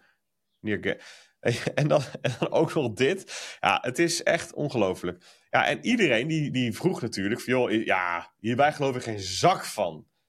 Deze tweet van de SEC, die stond gewoon klaar. Maar, maar de stagiair, die heeft per ongeluk de verkeerde dag ingevoerd. Die Cointelegraph stagiair heeft een nieuw baantje gekregen waarschijnlijk. Hij is Nu Precies. hier aan de slag. Eh, dat inderdaad, de Cointelegraph dus was ook weer zo'n momentje. Maar goed, laten we even achterwege. Dit, dit is gewoon... eh, we zien dit eigenlijk... Van, zie je wel, die goedkeuring is er. De SEC is helemaal niet gehackt. Proberen hun, een, gezicht te redden. Een ass te coveren. Ehm, maar wat blijkt nou? Eh, midden in de nacht, Nederlandse tijd, half vijf... ehm, kwam Ed Safety naar buiten. Dat is een eh, officieel account van Twitter. En die gaven een soort van postmortempje. Nee, het klopt wel wat Gary Gensler zegt. Onbevoegden hebben toegang gekregen tot dat account. Eh, en oh ja, eh, ze gebruikten geen two-factor authentication. Ja. dat maakte het, het allemaal nog, wat gênanter voor Gary Gensler en consorten. Ehm, maar kennelijk was het dus, ja, ik, ik begrijp nog steeds niet precies wat de groep of de meneer of de mevrouw wilde bereiken met, met deze actie. Want ja, kunnen in ieder geval zien, hij is niet het, laten we even zeggen, het, het is niet voor maximale winst gegaan. Want dan had je wel wat anders kunnen doen dan gewoon een tweetje plaatsen. Ehm, waardoor het lijkt alsof er goedkeuring is. Dat je beter een short kunnen maken en direct afkeuring kunnen uitspreken of zo. Weet je wel, dan, dan had je er echt wat aan kunnen verdienen. Ehm, ja, het lijkt toch een beetje op een soort van trollactie die dat account is binnengestruikeld per ongeluk. En onvoorbereid aan de gang is gegaan. Oh, ik like even wat leuke dingen. Oh, ik, ik post een hashtag van Bitcoin. Oh, ik zie, ja, I don't know. Weet je, wat er nou precies. De, misschien dat daar nog een keer een film over wordt uitgebracht of zo. Dat zou me niks verbazen. Benieuwd, deze, ja. dit hele era. Ja, dus. Um, er zat voor ons niets anders op dan onze alert te rectificeren. En dat geldt trouwens voor de hele mediawereld. Die, ook Bloomberg, die gewoon al dingen op de frontpage hadden staan. Toch niet werd een soort van national. Um, ja, een soort uh, nationale uh, noodsituatie uitgesproken. Van jongens, er is toch geen goedkeuring. Rode balk op de website. Weet je wel, ja. Chaos, chaos. Er kwamen meer tweets binnen dan je kon bijlezen. De hele wereld stond even op zijn kop. Maar ja, een, een, dag later zit er niks anders op dan gewoon toch weer kijken naar van oké, komt er dan vandaag wel goedkeuring? Dat was dan 10 januari. Dat is wel grappig. Um, op, in, in, in de aanloop naar die 10 januari, of op 10 januari, weet ik niet precies, um, werd de Bitcoin blockchain uh, even gebruikt voor een leuke grap. Um, stond in een op-return het volgende bericht. SEC chairman on the brink of second ETF approval. dat is en een leuke grap en een verwijzing natuurlijk naar het bericht dat Satoshi Nakamoto in het eerste blok wegschreef. Um, en dat ging over, stond, stond de financiële wereld on the brink of bailouts. Dat was een verwijzing naar de financiële crisis. En, en in dezelfde periode, um, ja, weet je, de media die springt hier bovenop terecht, denk ik. Want het is ook gewoon een monumentaal uh, moment. Ja, en, de, en, en er gebeurt nu natuurlijk ook echt wel wat. Dus RTL Z, um, die vroeg Bert ook om wat commentaar te geven op wat hier nou gebeurde. Het is een beleggingsproduct dat meebeweegt met de prijs van de digitale munt. Uh, beleggers hoeven dan niet meer rechtstreeks in die bitcoin te investeren. Maar dat doen ze dus in een fonds en dat kopen ze bij hun eigen vertrouwde beheerder. Dat geeft een wat veiliger gevoel, zegt ook deze expert. Voor de Amerikaanse beleggers is een ETF een ontzettend veilige, gereguleerde en efficiënte, dus goedkope manier om in een bepaald achterliggende belegging te kunnen investeren. Um, tot nu toe moesten ze dat doen bij crypto-platformen waar ze dan de bitcoin konden aankopen. Nu kan het gewoon bij hun eigen bekende broker. Ja, de bitcoin wordt daar eigenlijk een wat meer volwassen beleggingsproduct mee. Ja, dat was Bert. En wat we van Bert gewend zijn. Die zegt alleen maar nuttige dingen. dus daar hoeven we het niet langer over te hebben. Uh, we springen eigenlijk van Bert Um, van, van, um, van Bert naar 10 januari, de dag dat we met z'n allen aan het wachten waren op het hoge woord. Documenten kwamen uh, binnen, er werden uh, via Edgar, het systeem van de SEC, waar officieel dan allerlei PDF's worden gepubliceerd van wat er in zo'n proces aan documentatie allemaal naar boven komt. Um, ja, en dan werken we toe toch naar het moment waar iedereen op wachtte. En dat is het moment van goedkeuring. En daar wil ik hem eigenlijk weer even overgeven aan jou, eh, Bert. Ja, eigenlijk hebben we daar zo'n beetje alles al over gezegd. En want gisteren, 10 januari, woensdag 10 januari, was het zover. Um, en ja, ik weet niet eens precies wat nou het officiële moment, officiële tijdstip, uh, de time of delivery is geweest. Maar... Dat was er niet echt, denk ik. Ja, om half tien, s'avonds, uh, werd dat pdfje van de SEC waarin ze eh, de exchanges goedkeuring geven om de aandelen te noteren, ehm, werd beschikbaar gemaakt op de website van de SEC. De vraag is wel of dat dan een bewustje was of weer vroegtijdig uitgelekt werd. Maar dat was het toch wel meer dan alleen maar het traden goedkeuren. Dat was toch wel daadwerkelijk de approval. Ja, dat was de approval. Dat waren de, de, de, de, de 19-4B 19B4 formulieren. Die, die kwamen de, gedurende. Ik zag op Twitter al de hele dag al mensen die tweeten van deze exchange eh, gaat het nu listen en deze exchange heeft nu een approval. En die PDF die weer verwijderd werd. Daar staat letterlijk de eh, approval van die ETF's toch gewoon in. Ja, alleen wat ze dan doen is ze zeggen wij gaan hem listen en dan pending approval. Dus als die approval daadwerkelijk komt, dan is, gaat die handel morgen van start.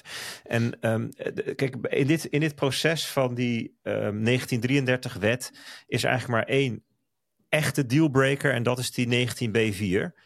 Um, als die niet wordt goedgekeurd, expliciet gaat het feestje niet door. En dan heb je daarnaast ook nog de S1. En dat, is meer, dat zijn meer vormvereistes en stempels die erop moeten komen. Als die er niet is, of de S3 in het geval van Grayscale, dan kan je ook niet van start. Alleen dat is, dat, dat is niet um, zeg maar waar we, het al, waar we allemaal op gewacht hebben. Um, dus toen kwam die, brief, of die, die PDF werd gepubliceerd. En daar kan je nog van afvragen of dat daadwerkelijk de bedoeling was. Want de, de, persverklaring van Gensler volgde pas weer een half uur later. Maar toen wist iedereen, nu is het zeker dat het doorgaat. Alleen daarna was het nog wachten op daadwerkelijke S1's, de finale versies. Want dan pas weet je ook zeker dat vandaag de handel van start zou kunnen. Dus ja, het is eigenlijk toch een opeenvolging van dingen die moest gebeuren. Maar ja, ergens tussen, laten we zeggen, uh, half tien en elf volgde dat allemaal. He, dus eerst de grote uh, PDF van, van de SEC, daarna de persverklaringen, daarna volgden die formulieren en daarna kwamen de pagina's online van alle uh, aanbieders en zo één voor één kwamen kwam het allemaal op zijn pootjes. Toen uh, zette Bloomberg het op zijn homepage. Dat het als groot nieuws. Ja, op een gegeven moment dan, dan weet je echt 100% zeker. Nu, nu, nu zijn we er. Hè? Gary Gensler die notabene nog wat over zegt. Op de SEC-website en niet op zijn Twitter. Grappig dus is dat die PDF is uh, nog steeds niet... Gisteren dachten we nog misschien door de drukte unavailable. Maar inmiddels als ik nu kijk de space is, is temporarily unavailable. Dus hij komt waarschijnlijk denk ik ook niet meer online dan. Want ik kan me niet voorstellen dat dat nu nog steeds door de drukte die site uh, Nee, maar hij komt zeker wel online, want dit is gewoon een juridisch document waarin ze ook verantwoording afleggen en verwijzen naar alle dingen. Nee, maar meer even of het een foutje was dat ze hem gisteren gepubliceerd hadden. Ik denk dat je er wel vanuit kan gaan. Ja, dat zou, ja, het zou kunnen. Het kan ook zijn dat, ze, dat, dat, dat de combinatie was dat ze het al wel daar neer hadden gezet, maar wilden linken vanuit de persverklaringen. Ja, en dat mensen het snel vonden. En dat ze het daarna gewoon offline hielden omdat die website gewoon gededost werd. Dat gebeurde namelijk. Het was gewoon uit de lucht. Maar goed, hoe, hoe het ook zij, dat document hebben. Kijk, eh, alle echt interessante dingen eruit hebben inmiddels wel langs laten komen. Hè. Dat gaat dus over de redenen waarom ze het dan goedgekeurd hebben en de risico's die ze zien. Dus ja, we zijn nu op het punt aangekomen. Het is nu donderdag 11 januari dat um, de handel van start mag. Hij is er. En we hebben al de reactie van de twee RTL Z zelf boomers gehoord. Die zeggen: dit is een grote stap voorwaarts. En um, uh, ja, ik dacht, dit is misschien wel een leuk moment om het dan even te gaan hebben over. Ja, wat kunnen we nou verwachten met, aan, koers? Uh, wat gaat het doen met de prijs? Dat wil natuurlijk iedereen weten. En wat, wat, gaat het, wat, wat, gaat het, wat betekent dit nou voor de koers? Um, en ik zag trouwens net een Twitter een dingetje langskomen dat de, de allereerste uh, uh, ETF-versies van GBTC, van Grayscale BTC, zijn verhandeld voor beurs. Dus er wordt daadwerkelijk in gehandeld nu.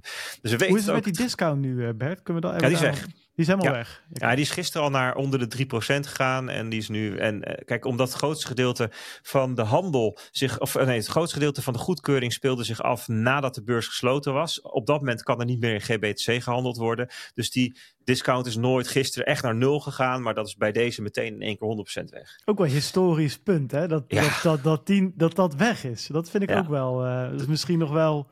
Ja, nog Straks als de handel echt van start gaat om uh, half drie vanmiddag, dan maak ik nog één screenshotje van, uh, van, ja. van de TradingView grafiek die ik dan altijd open heb. En daarna, die, ja, die kan het archief in, die is niet van, meer nodig. Van premium naar discount, naar nul, naar weg. Ja. Het is toch een mooi, mooie afsluiting van een rode draad, toch wel in de podcast. Klopt, uh, moet ik zeggen. klopt. Ja. ja, we hadden het in 2020 al over, hè? Toen, de oude grayscale. Ja, nee, maar goed, wat gaat er nu gebeuren, hè? Um, op de Discord stelde Quantum Bom, zo, dat is er eentje. Die stelde de vraag van, stel nou dat er 2 miljard ETF's instroomt de komende weken. Wat doet dat met de koers? En ja, dit is wel een grote vraag. Hè, van, um, uh, laten we heel even vooruitgaan naar wat mensen daarover gezegd hebben.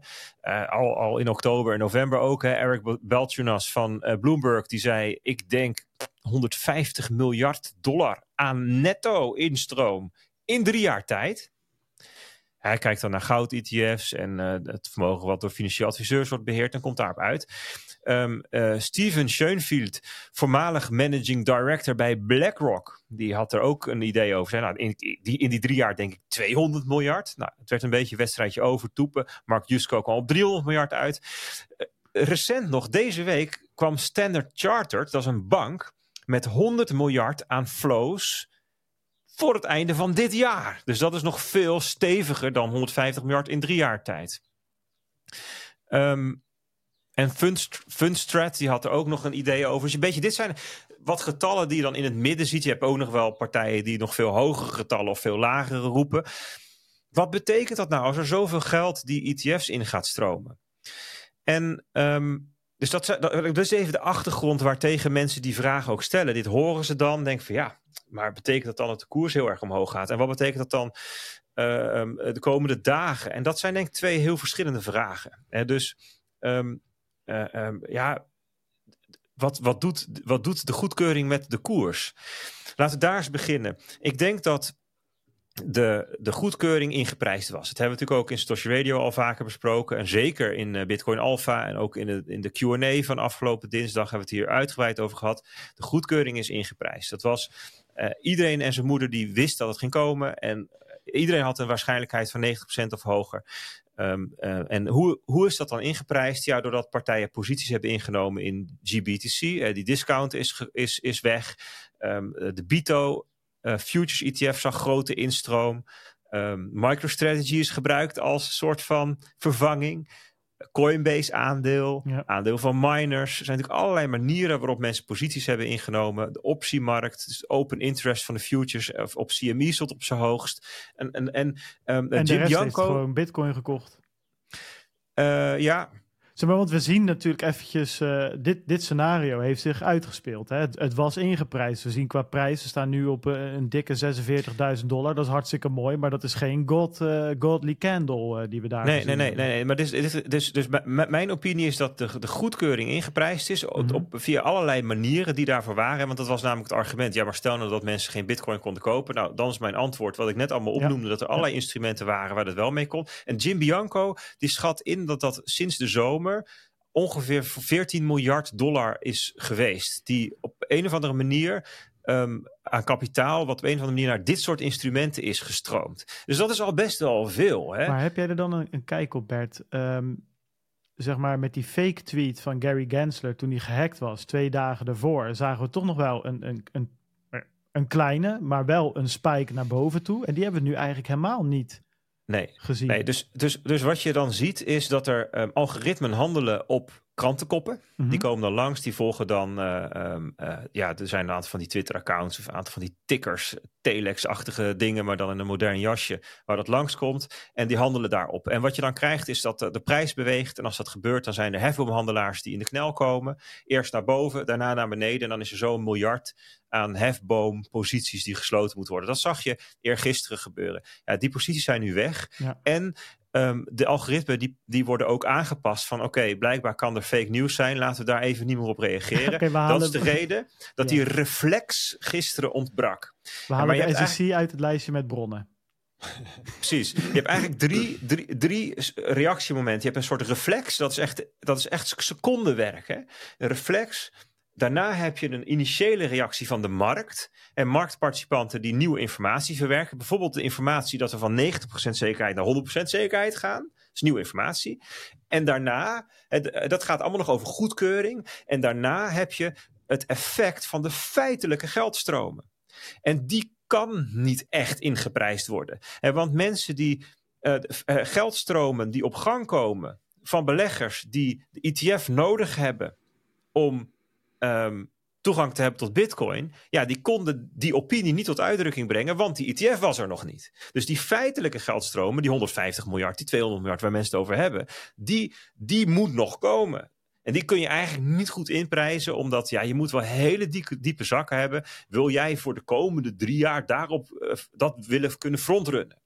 En dus, dus, dus, dus aan speculatie en dergelijke is er volgens Jim Bianco dan 14 miljard geweest. Um, en hè, dat zou je kunnen zien als frontrunners. Dat zijn mensen die zeggen van nou, ik kan nu die positie alvast innemen, zodat ik het straks kan verkopen aan kapitaal wat de ETF instroomt.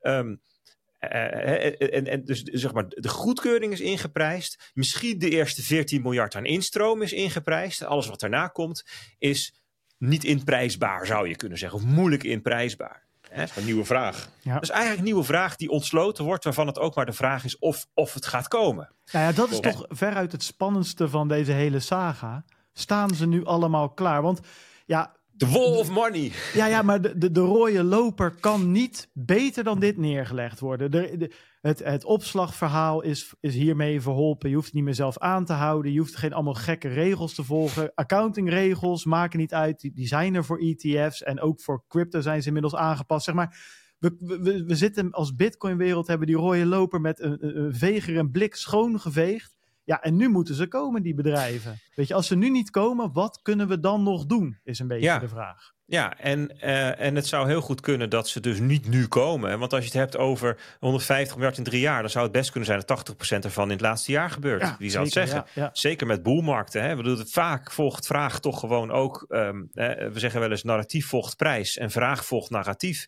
Dus ja, um, je ziet, er zit toch iets in van ja, boelmarkt, prijs door plafond. hey, mensen kletsen erover, dan is het narratief positief. Oh, misschien moet ik ook maar meedoen en mensen gaan het kopen.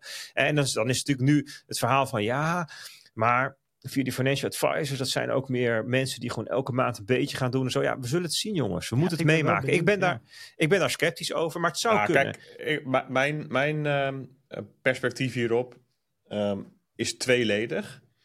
Um, dus je hebt, denk ik, Um, dus het is allemaal, uh, allemaal um, de toekomst kijken. Hè? Dus uh, rekenen we er, nou, je mag me er ook op afrekenen. Maar er gaan marketingcampagnes komen. En marketingcampagnes kunnen zorgen um, voor beleggers die op basis van zo'n marketingcampagne, het zien van de reclame, beslissen: ik ga wat investeren. En dus die, je zou kunnen zeggen, daarvan is de beleggingsstrategie misschien niet het meest doordacht op hoeveel dat dan aan instroom oplevert, dat vind ik wel heel moeilijk inschatten. Ik denk niet dat het per se om miljarden gaat of zo. Ehm, de meer doordachte strategieën, ja, die komen van de financieel adviseurs en van institutionele, uh, van, van de meer professionele beleggers. En financieel adviseurs, het is niet dat die zelf gaan beleggen in de zin van dat ze met hun eigen geld gaan beleggen, maar die hebben klanten. En die gaan met hun klanten bekijken, joh, zou Bitcoin een plekje kunnen hebben in je portefeuille? Zo ja, hoe dan? Ehm, is die ETF daar een goed vehikel voor? Zo ja, uh, welk deel van je portefeuille wil je dan aan allokeren? Wat is, je, wat is je risicobereidheid? Dat zijn gesprekken die niet vandaag gevoerd worden en ook niet dan vandaag uh, een, waar, waar dan een beslissing genomen wordt om vervolgens ook nog vandaag een deel van die portefeuilles te gaan allokeren. Daar gaan gewoon weken, maanden overheen. Dat is veel meer een gradueel proces. Dus ik zit eerder in het kamp van het um, dempen van de verwachtingen. dus ik, ik, verwacht zelf niet um, dat er nou e-, enorme godly multiple thousand dollar candles komen of zo vanda vanaf vandaag en de komende weken, omdat die ETF's groen licht krijgen. Ja, als als je het hebt over Samson Mao en zijn godly candles, volgens mij is de, de, term godly ge, ehm, gereserveerd voor 10.000 dollar per dag oh. candle. En je hebt omega candles als 100.000 dollar voor een dag. Weet je, dat is waar zij aan denken. Oké, okay, die Kijk, duizend, wel. Duizenden dollars die hebben we wel regelmatig, hè? Duizend dollars hebben we regelmatig. Dus, laten we die, dus het gaat echt om 10.000 of 100.000 dollars per dag. Dat is waar zij naar kijken. Ja, goed. Ik, als, als je een aantal weken een paar keer duizend dollar per dag stijgt, dan, dan is dat ook al, denk ik, voor veel mensen van zo. Dat is wel. Uh, dat doet toch wel wat. Hè? Maar ik, ja, ik zie het veel meer als een, um, dit, als een lange termijn ontwikkeling. Um, dan dat dat op korte termijn voor enorme nieuwe instroom zorgt. Als dat wel zo is, ja, misschien hebben al die aanbieders. Uh, uh, troeven achter de hand of zo hoor. Hebben ze in de afgelopen maanden al allerlei uh, dingen geregeld en hebben ze toezeggingen gehad. I don't know, het zou kunnen. Uh, maar dan zou dat voor mij onverwacht zijn. Ja. Maar, je hoort, er zijn dus allerlei scenario's mogelijk. Er zijn allerlei opeenvolgingen van gebeurtenissen mogelijk. En je kunt ook beredeneren. Uh, ik ga zo meteen over vier scenario's hebben. Dit is mijn vierde scenario. Dat stel nou eens dat er daadwerkelijk een initiële hoge vraag geregeld is voor een paar miljard aan bitcoin wat echt aangekocht moet worden. Ja, dat moet dan vandaag aangekocht worden. Ja, dat laat de koers behoorlijk stijgen. 50.000 dollar, 55.000 dollar. En dan zeggen ineens mensen, wat gebeurt hier? Dit wil ik ook. En die gaan ook kopen de volgende dag. Weet je, en dan staat een soort reflexiviteit. Ja, die moeten wel weer meteen aangekocht worden. En iedereen die nu in Bitcoin zit, die denkt: ik ga die verkopen, ik wacht wel even. Ja, dus de koers die stijgt. En dus op een gegeven moment wordt het all-time high. En dan wordt echt iedereen wakker, kan ik je vertellen. En kijk, en dat is een beetje de, de redeneerlijn van, de, van die groep mensen. Die zeggen: ja, er is een soort potentiële Ehm, eh, positieve spiraal te bedenken, die alleen maar een soort van aangezwengeld hoeft te worden. En als dat eenmaal gebeurt, ja, dan, dan gaat die koers naar heel erg hoog. En het punt is, je kunt niet um, beargumenteren dat het onmogelijk is. Dus ja, je moet gewoon wel ook deze optie wel uh, uh, in, je, in je spectrum van mogelijkheden beredeneren. En dat is een beetje mijn, dat was mijn probleem toen ik daar vorige week of afgelopen weekend over nadacht. Ik denk van ja, er zijn zoveel onzekerheden. Um, komt de goedkeuring? Zo ja, voor welke ETF? Of allemaal? En zo ja, op welke dag? En als ze worden goedgekeurd, wanneer gaat dan de handel van start? De volgende dag of niet? En als de handel dan van start gaat, wat, wat wordt dan de interesse? Eh, is er een reflexmatige um, uh, koersstijging? Uh, zijn mensen blij met het nieuws? Gaat de koers omhoog? Komt er meteen een stroom geld op gang of niet? En als dat gebeurt, is het dan geld wat al in bitcoin zat of nieuw geld? En is het dan... je kunt ja. eindeloos reeks van combinaties maken en dan krijg je oneindig aantal scenario's. Dat werkt niet. Dus wat ik heb gedaan is nagedacht over oké, wat is nou interessant? Je wil eigenlijk weten wat die koers in de komende weken voor soort beweging kan gaan maken. En dan nemen we ook even mee in het achterhoofd dat we sinds oktober al een hele stevige stijging achter de rug hebben. twee maanden stijging. En dus als je kijkt, als je de cycle theory er weer even bij pakt, dan zit je nu aan het eind van een intermediate cycle of aan het eind van een weekly cycle. Die heeft al heel veel kilometers op de teller, deze cycle. Ja. Ze komt ook een beetje zo langzamerhand in het punt dat, die, dat er een topje wordt gevormd en dat er een correctie komt. En we weten uit het verleden dat correcties van 20, 30 procent heel, heel normaal zijn na zo'n stijging. Hebben we nog niet gehad, nog nul keer sinds het begin van, van, die, van die opmars. Dus dat, zijn, dat zit allemaal even, dat is dan de achtergrond. En daartegen ga je dan nadenken over de koers. Dan heb ik, ik één het, scenario. Bert, uh, voor mij, uh, Peter, je het er ook mee eens bent, ook een beetje kijken naar de tijd. Van mij mag je ook gewoon die scenario's oppakken hoor, nu. Ja, dat ben ik nu aan het doen. Dat nee, ben maar je zei van ik pak er even één van de vier op. Van mij ja, mag ja, die, je het, het hele verhaal keek ik even naar vooruit, maar ik ben nu bij scenario 1 aangekomen. Okay, en dat is, stel nou dat ja. er. Dat is, dat dit was natuurlijk afgelopen weekend, hè? dus dat, als je in de Discord zat, had je ze al gelezen. Maar um, uh, um, stel er is slecht nieuws. En ze worden afgekeurd, of er één afgekeurd, of er bla bla. De president die komt met een opmerking, er komen geen ETF's. Ja, dan is het heel simpel. Dan gaat die koers in één rechte lijn naar beneden toe naar 30.000 dollar of lager. Uh, dat is gewoon, um, uh, dat, dat, dat, dat kan haast niet missen. Nou, dat is niet gebeurd. Dus scenario 1 kunnen we inmiddels van het lijstje wegstrepen. Dat is mooi, dat scheelt. We hebben er nog maar drie over. Scenario 2. Wat nou als we een sell the news situatie krijgen. Wat betekent the news? Ja, dat komt uit de, uit, uit, uit de beurswijsheden. Hè? Buy the, the rumor, sell the news. Dus stel er is een aankondiging of een verwachting van iets. Ja, dat koop je en dan stijgt de koers. En dan tegen de tijd dat dat daadwerkelijk gebeurt, wat je verwachtte dat zou gebeuren. En het nieuws is er. Ja, dan heeft iedereen die dat daarop wilde kopen al gekocht. En die kan het dan verkopen aan de mensen die dan voor het eerst denken: hé, hey, wat gebeurt hier? Weet je, dat, dat fenomeen. Dat zou nu aan de hand kunnen zijn als we wel een goedkeuring krijgen, maar um, ook met allerlei mitsen en maren of allerlei onzekerheid. Dat zou kunnen, hè, wel een goedkeuring, maar niet allemaal of zo. Nou, we weten inmiddels dat het wel zo is, maar bijvoorbeeld ook zou kunnen dat, um, dat de instroom aan kapitaal heel erg tegenvalt. En dan zou het kunnen zijn dat je wel een positieve reactie krijgt. Bijvoorbeeld naar 48.000 dollar. Dat is een hele logische plek om heen te gaan voor de koers. Dat, je, je, wil eigenlijk dat dat aangeraakt wordt, die 48.000. Dat is namelijk ook de top in voorjaar 2022 geweest. En het is de, de 61,8 procent van uh, de koers tussen 69 en 15.000, dus de top en bodem. En dat is een Fibonacci-getal. Dat, wordt, ja, dat blijkt in in al honderd jaar heel vaak in dit soort situaties een draaipunt te zijn. Of een punt waar de koers of pauzeert of een correctie maakt. Dus dat verwacht je hier ook. En met die fake aankondiging hebben we dat eigenlijk al gezien. Toen zwieperde die even naar 48.000. Dus het zou kunnen zijn dat we dat nog een keer te zien krijgen, die 48.000. Maar dat was het dan ook. Dat zou scenario 2 zijn, 48.000.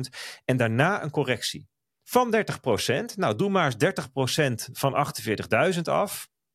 Dat is zeg maar ongeveer 15.000 ervan af, grofweg. Nou, dan kom je uit op 3, 34.000. Misschien 30.000, 32, iets in die. Dat zou dan grofweg de, de, de, de regio zijn waar je, waar je verwacht dat die ook eindigt. En um, ja, dat is best wel veel, maar dat kan ook, hè, dat, dat onderste stukje kan snel gaan. Koersen van rond de 35.000 dollar en dan weer daar later over een maand of twee maanden weer omhoog. Ja, dat is helemaal niet zo gek, hè? laten we wel wezen. Een jaar geleden stonden we gewoon op 16.000 dollar. En dus als je dat in, in dat tijdsbestek bekijkt, is dat een gewoon een normale correctie. En dan in scenario 2, waar we dus nu in zitten, dan zou je kunnen verwachten. En dan heb je dus de correctie van zo'n weekly cycle gehad. Daarna krijg je een nieuwe weekly cycle. Dan krijg je ook nog de halving. Daar we het nog even over hebben zo. En dan heb je misschien in kwartaal, eind kwartaal 1, begin kwartaal 2, dat we opnieuw boven de 50.000 dollar of dat we boven de 50.000 dollar gaan zitten. Scenario 3, dat is dat die, dat die lancering wel succesvol is. Dat je daadwerkelijk um, goedkeuring krijgt voor alle, alle, alle ETF's. Dat je daadwerkelijk dat ze allemaal uh, verhandeld worden en dat er ook een stroom nieuw kapitaal binnenkomt. Niet extreem hoeveelheden, maar wel dat je zegt van, uh, hè, er wordt gesproken over een succesvolle lancering. Hè. Je had bijvoorbeeld bij de Future ETF's in 2021 hadden we het over um, het, uh, het snelst ooit naar een miljard. Dat soort dingen. Dat je dat soort berichten straks krijgt. Nou, dan zou het best eens kunnen zijn dat ook de koers van Bitcoin wel daadwerkelijk nog tot 55, 56, 57.000 dollar gaat stijgen. Beetje die kant op. Dat is dan niet gek. En dat het ook een paar weken duurt. Maar mijn basisscenario daarin is ook in scenario 3, mijn basisverwachting is dat dat dan over een week of twee, drie, vier, dat, dat, dat we dan een top krijgen. En dat het toch echt weer, dat we toch echt toe zijn aan die correctie. Die hoort gewoon een keer te komen. Dan heb je dat begin van de ETF's gehad, hartstikke mooi. En dan op een gegeven moment dat iedereen zich afvraagt, en wat nu? Ja, en dan is het nu tijd voor een correctie. En als je vanaf dat punt 20, 30 procent gaat corrigeren, kom je misschien helemaal niet eens onder de 42.000 dollar uit. Misschien is dat dan even wat we weer testen. Could be. Uh, maar dat is scenario 3. Um, scenario 4, dat noemde ik net al even, die heb ik genoemd volstrekte gekte.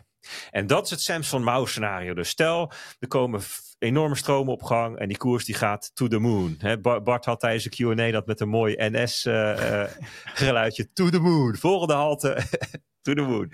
Ja, als dat gebeurt jongens, ja, weet je, all bets are off. En het probleem is, hoe speel je hier nou op in? Um, ja, dat is lastig, want je wil, niet, je wil niet te vroeg uitstappen om scenario 4 te missen. Maar je wil ook niet te lang blijven zitten om die hele, hele correctie naar beneden uh, mee te maken. Als je tenminste handelt. Hè. Kijk, voor hodlers maakt het allemaal geen bal uit. Die staan gewoon langs de zijlijn te kijken van wat gebeurt hier voor grappigs allemaal. Maar als je daadwerkelijk hierop wil inspelen, ja, dan, dan is dat dus even het spannende. En dan zou je kunnen zeggen van ja, um, scenario 1 kunnen we al wegstrepen. Um, scenario 2 is afwachten. Stel dat de koers nu onder de 42.000 dollar komt en geaccepteerd wordt, dan zou ik zeggen, is het waarschijnlijk dat we verdere correctie krijgen en dat we in scenario 2 zitten. Blijft de koers boven de 42.000 dollar, dan verwachten we scenario 3. En dan is het gewoon een kwestie van afwachten. Wanneer zien we dat, dat, dat die koers gaat toppen? Want dat is het punt dat je het verschil gaat zien tussen 3 en 4. als, als je echt een top ziet en krijgt op kortere tijd timeframes lagere toppen, lagere bodems. Dan weet je nou, die volstrekte gekte gaan we niet krijgen. We kunnen ook vier wegstrepen. Nou, en dan ligt voor de hand dat je een correctie krijgt. Dat is een beetje de manier om erover te redeneren. En Bert, die um, scenario's. Hè? Kijk, ik, op zich denk dat het een hele goede in, inschatting is. Ik ben wel benieuwd hoe jij erover denkt hè, wat ik me bijvoorbeeld voor kan stellen. Stel, er komt niet binnen een paar dagen uh, de, de zilvervloot uh, binnengevaren. Hè, we hebben scenario 2, we gaan naar 42k. Ik heb wel een beetje, we zitten wel... Ik merk in ieder geval ook een beetje aan mezelf, maar ook aan dit hele ETF-verhaal. Ook op Twitter, iedereen die als eerste elk dingetje van de SEC-website aftreedt. Een beetje uh, gespannen allemaal. Uh, de markt zelf ook wel. Hè. We zijn, wat je zegt, al flink gestegen. Is het ook, zie jij ook mogelijkheden dat er bijvoorbeeld dat je best nog wel snel switcht tussen die uh, scenario's? Bijvoorbeeld dat we nu scenario 2 hebben, we gaan het omlaag. Maar dat opeens, ja, het zou natuurlijk zomaar kunnen dat over drie weken opeens Google blijkt een berg van die ETF's te, uh, te kopen. En dat je opeens Zeker. weer naar scenario 3 gaat, bijvoorbeeld. Of 4 Ja, zelfs. de- deze scenario's die zijn puur het verwerken van de informatie die er nu is. Als er een totaal nieuw feit op tafel Ja. komt, Google omarmt, Apple integreert het in zijn iPhone, whatever, Ja, ja. dan kan je alles in de prullenbak stoppen en dan moet je die nieuwe informatie gaan verwerken. Dat is een schoksgewijze verandering. Ja. Dus dat zit er zeker niet in. Dat zit er helemaal niet in verwerkt. Ook, maar ook andersom niet. Hè. Stel dat, dat nu eh, de G7 naar buiten komt, we gaan alles verbieden of whatever. Of er blijkt een bug te zitten in Bitcoin en alles is er zijn er, zijn er toch niet 21 miljoen, ja, dan is het gewoon klaar, weet je wel. Hè, dus ehm, eh, schokken en nieuwe informatie, ja, die zit natuurlijk er nooit in. Hoewel je overigens dan nog deze scenario's kunt volgen. Je kunt zeggen, hey, onder de 42k, ik verkoop. Ja, Ja. dat zou kunnen. Ja. Eh, maar ehm, ehm, ja, deze, als je ze wil volgen, kom in de Discord, in, in het eh, marktkanaal. Daar praten we er geregeld over. En eh, eh, passen we de setups aan als het nodig is. Kun je ook vragen over stellen. Ehm, ja, we gaan het. Ik, dus ik ga het aan de hand van deze, met deze scenario's als een soort van eh speakbriefje ga ik de komende dagen en weken eens kijken wat er allemaal gebeurt. En dan ben ik heel benieuwd hoe en wat. Kijk, en wat natuurlijk wel interessant is, hè, we zeggen eigenlijk van, ja, zo'n correctie, dat zou, daar zou het eigenlijk wel, wel weer eens tijd voor zijn. En dan, ja, als je dan kijkt in het verleden hoe, vaak, hoe lang het dan vaak duurt, dan is dat een kwestie van een paar weken, eh, een paar maanden, een beetje die, die orde grootte. Ja, stel dat we dat vanaf nu mee gaan maken of vanaf over drie weken, dan kom je toch in maart of zo terecht. En het grappige is dat je dan alweer heel dicht bij de halving in de buurt komt. Ja, het is de perfect storm wat dat betreft. Ja, dat, en dat vind ik wel heel grappig, want ehm, we hebben het nu over meer mainstream beleggers. We hadden het net eh, begonnen vandaag met de boomers van eh, RTL Z. Hè? En De dat NOS zijn ook nog. ja, maar dat zijn wel, zeg maar, die beleggers, dat zijn wel de mensen die, die, die begrijpen. En die zie je ook, die zie je ook eh, in het verleden, zie je, zie je die ook aanslaan op het concept van digitaal goud. Want die begrijpen goud, die snappen iets wat schaars is, wat je uit de grond moet halen, moet je moeite voor doen. Kan niemand zomaar namaken en niemand kan goud ehm, zomaar laten ontstaan. Je kunt dat niet vervalsen. En je kunt niet, ehm, dat de alchemisten proberen dat al heel lang en dat lukt niet, dat kan niet. En dat kan dus bij Bitcoin hetzelfde. Bitcoin ehm, kun je niet eh, eh, laten ontstaan. Je, je moet dat, dat is, hè, je moet Minen, dat ehm, ja. minen of kopen. En dat, dat that's it. En dus het, het digitale goud, dat idee, dat, dat snapt men. Dat is, en, en de halving, dat gaat daarover. De halving is, is een markant punt in het verhaal van die, van, van die schaarse eh, digitale bezitting. Dus het zou maar zo kunnen zijn dat de halving ehm, best wel een groot verhaal wordt.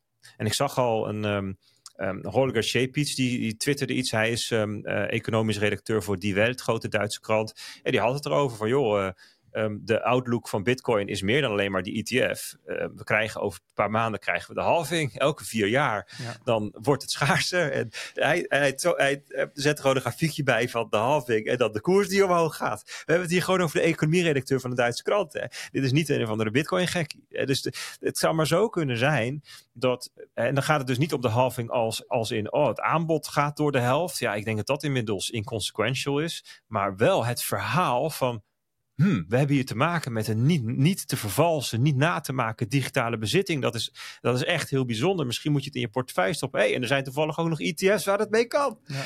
Ja, dus dat, kan, dat zou qua timing een hele interessante kunnen zijn. Uh, ook in combinatie met... Uh, zelfs met een correctie eerst. Hè. Dus als we dat gaan krijgen, dan is dat ja, misschien eigenlijk een mooie opmars daar naartoe zelfs. 100%. Hey, um, ik heb net eventjes, toen jij met jouw relaas bezig was, hebben Peter en ik eens eventjes besproken als producers, hè, via de oortjes. Ja, we zitten op 1 uur en 50 minuten en uh, we proberen ook een beetje, we lopen al uit. En dat mag ook met deze historische uitzending. Maar ik denk dat we eigenlijk gewoon, we hebben heel veel besproken, de luisteraar eventjes de tijd moeten geven om dit eens even rustig te gaan verwerken. Zijn, ben je het daarmee eens, Bert? Zeker.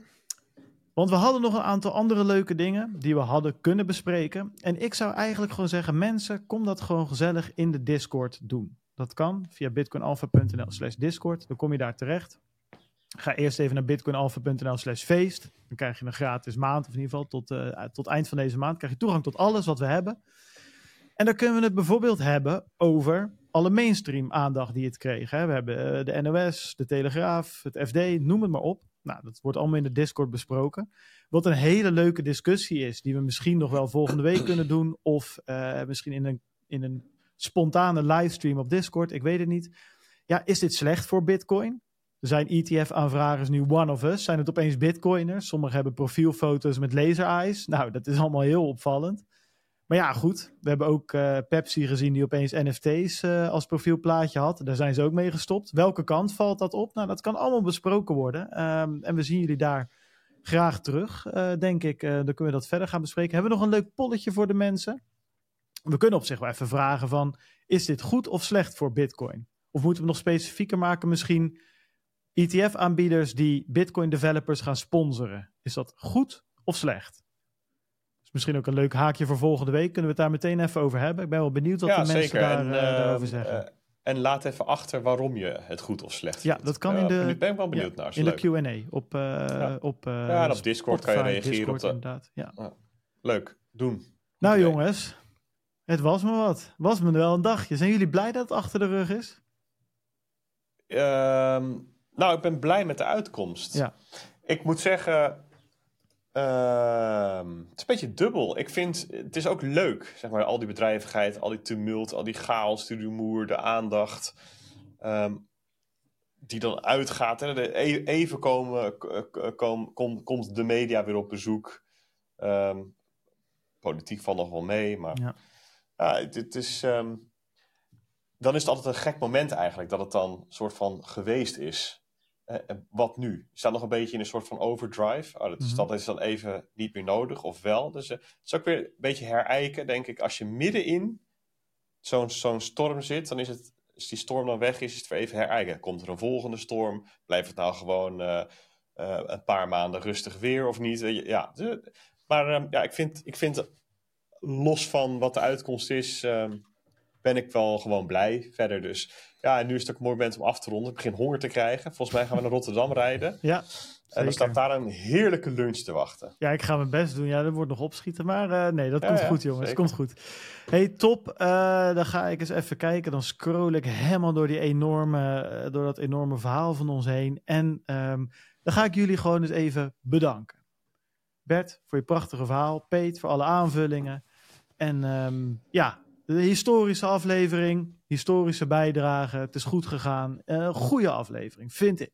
Hebben we goed gedaan. Mag ook. Mogen we ook wel eens gewoon eens even tegen onszelf zeggen, vind ik. Ehm, jullie, lieve luisteraars, wil ik ook bedanken. Ehm, ja, dat jullie er toch weer allemaal bij zijn. Er komen van allemaal mensen bij. De luistercijfers eh, vliegen weer omhoog. Het is ook altijd grappig om te zien eh, tijdens dit soort weken. Dat er eh, toch veel luisteraars bij komen. Welkom. Ik hoop dat het voor jullie een leuke eerste ehm, aflevering was. En voor de mensen die er al 293 afleveringen bij zijn. Nou ja, jullie weten hoe dankbaar we daarvoor zijn. Vind je de podcast leuk? Join dan de Discord. Volg ons op Twitter. Alle links staan op statieradio.nl en natuurlijk op bitcoinalpha.nl slash feest. Ehm, ja, en dan gaan we het voor nu gewoon eh, ermee ophouden. En dan zien we jullie volgende week weer voor aflevering 294. Laters. Adios. Later.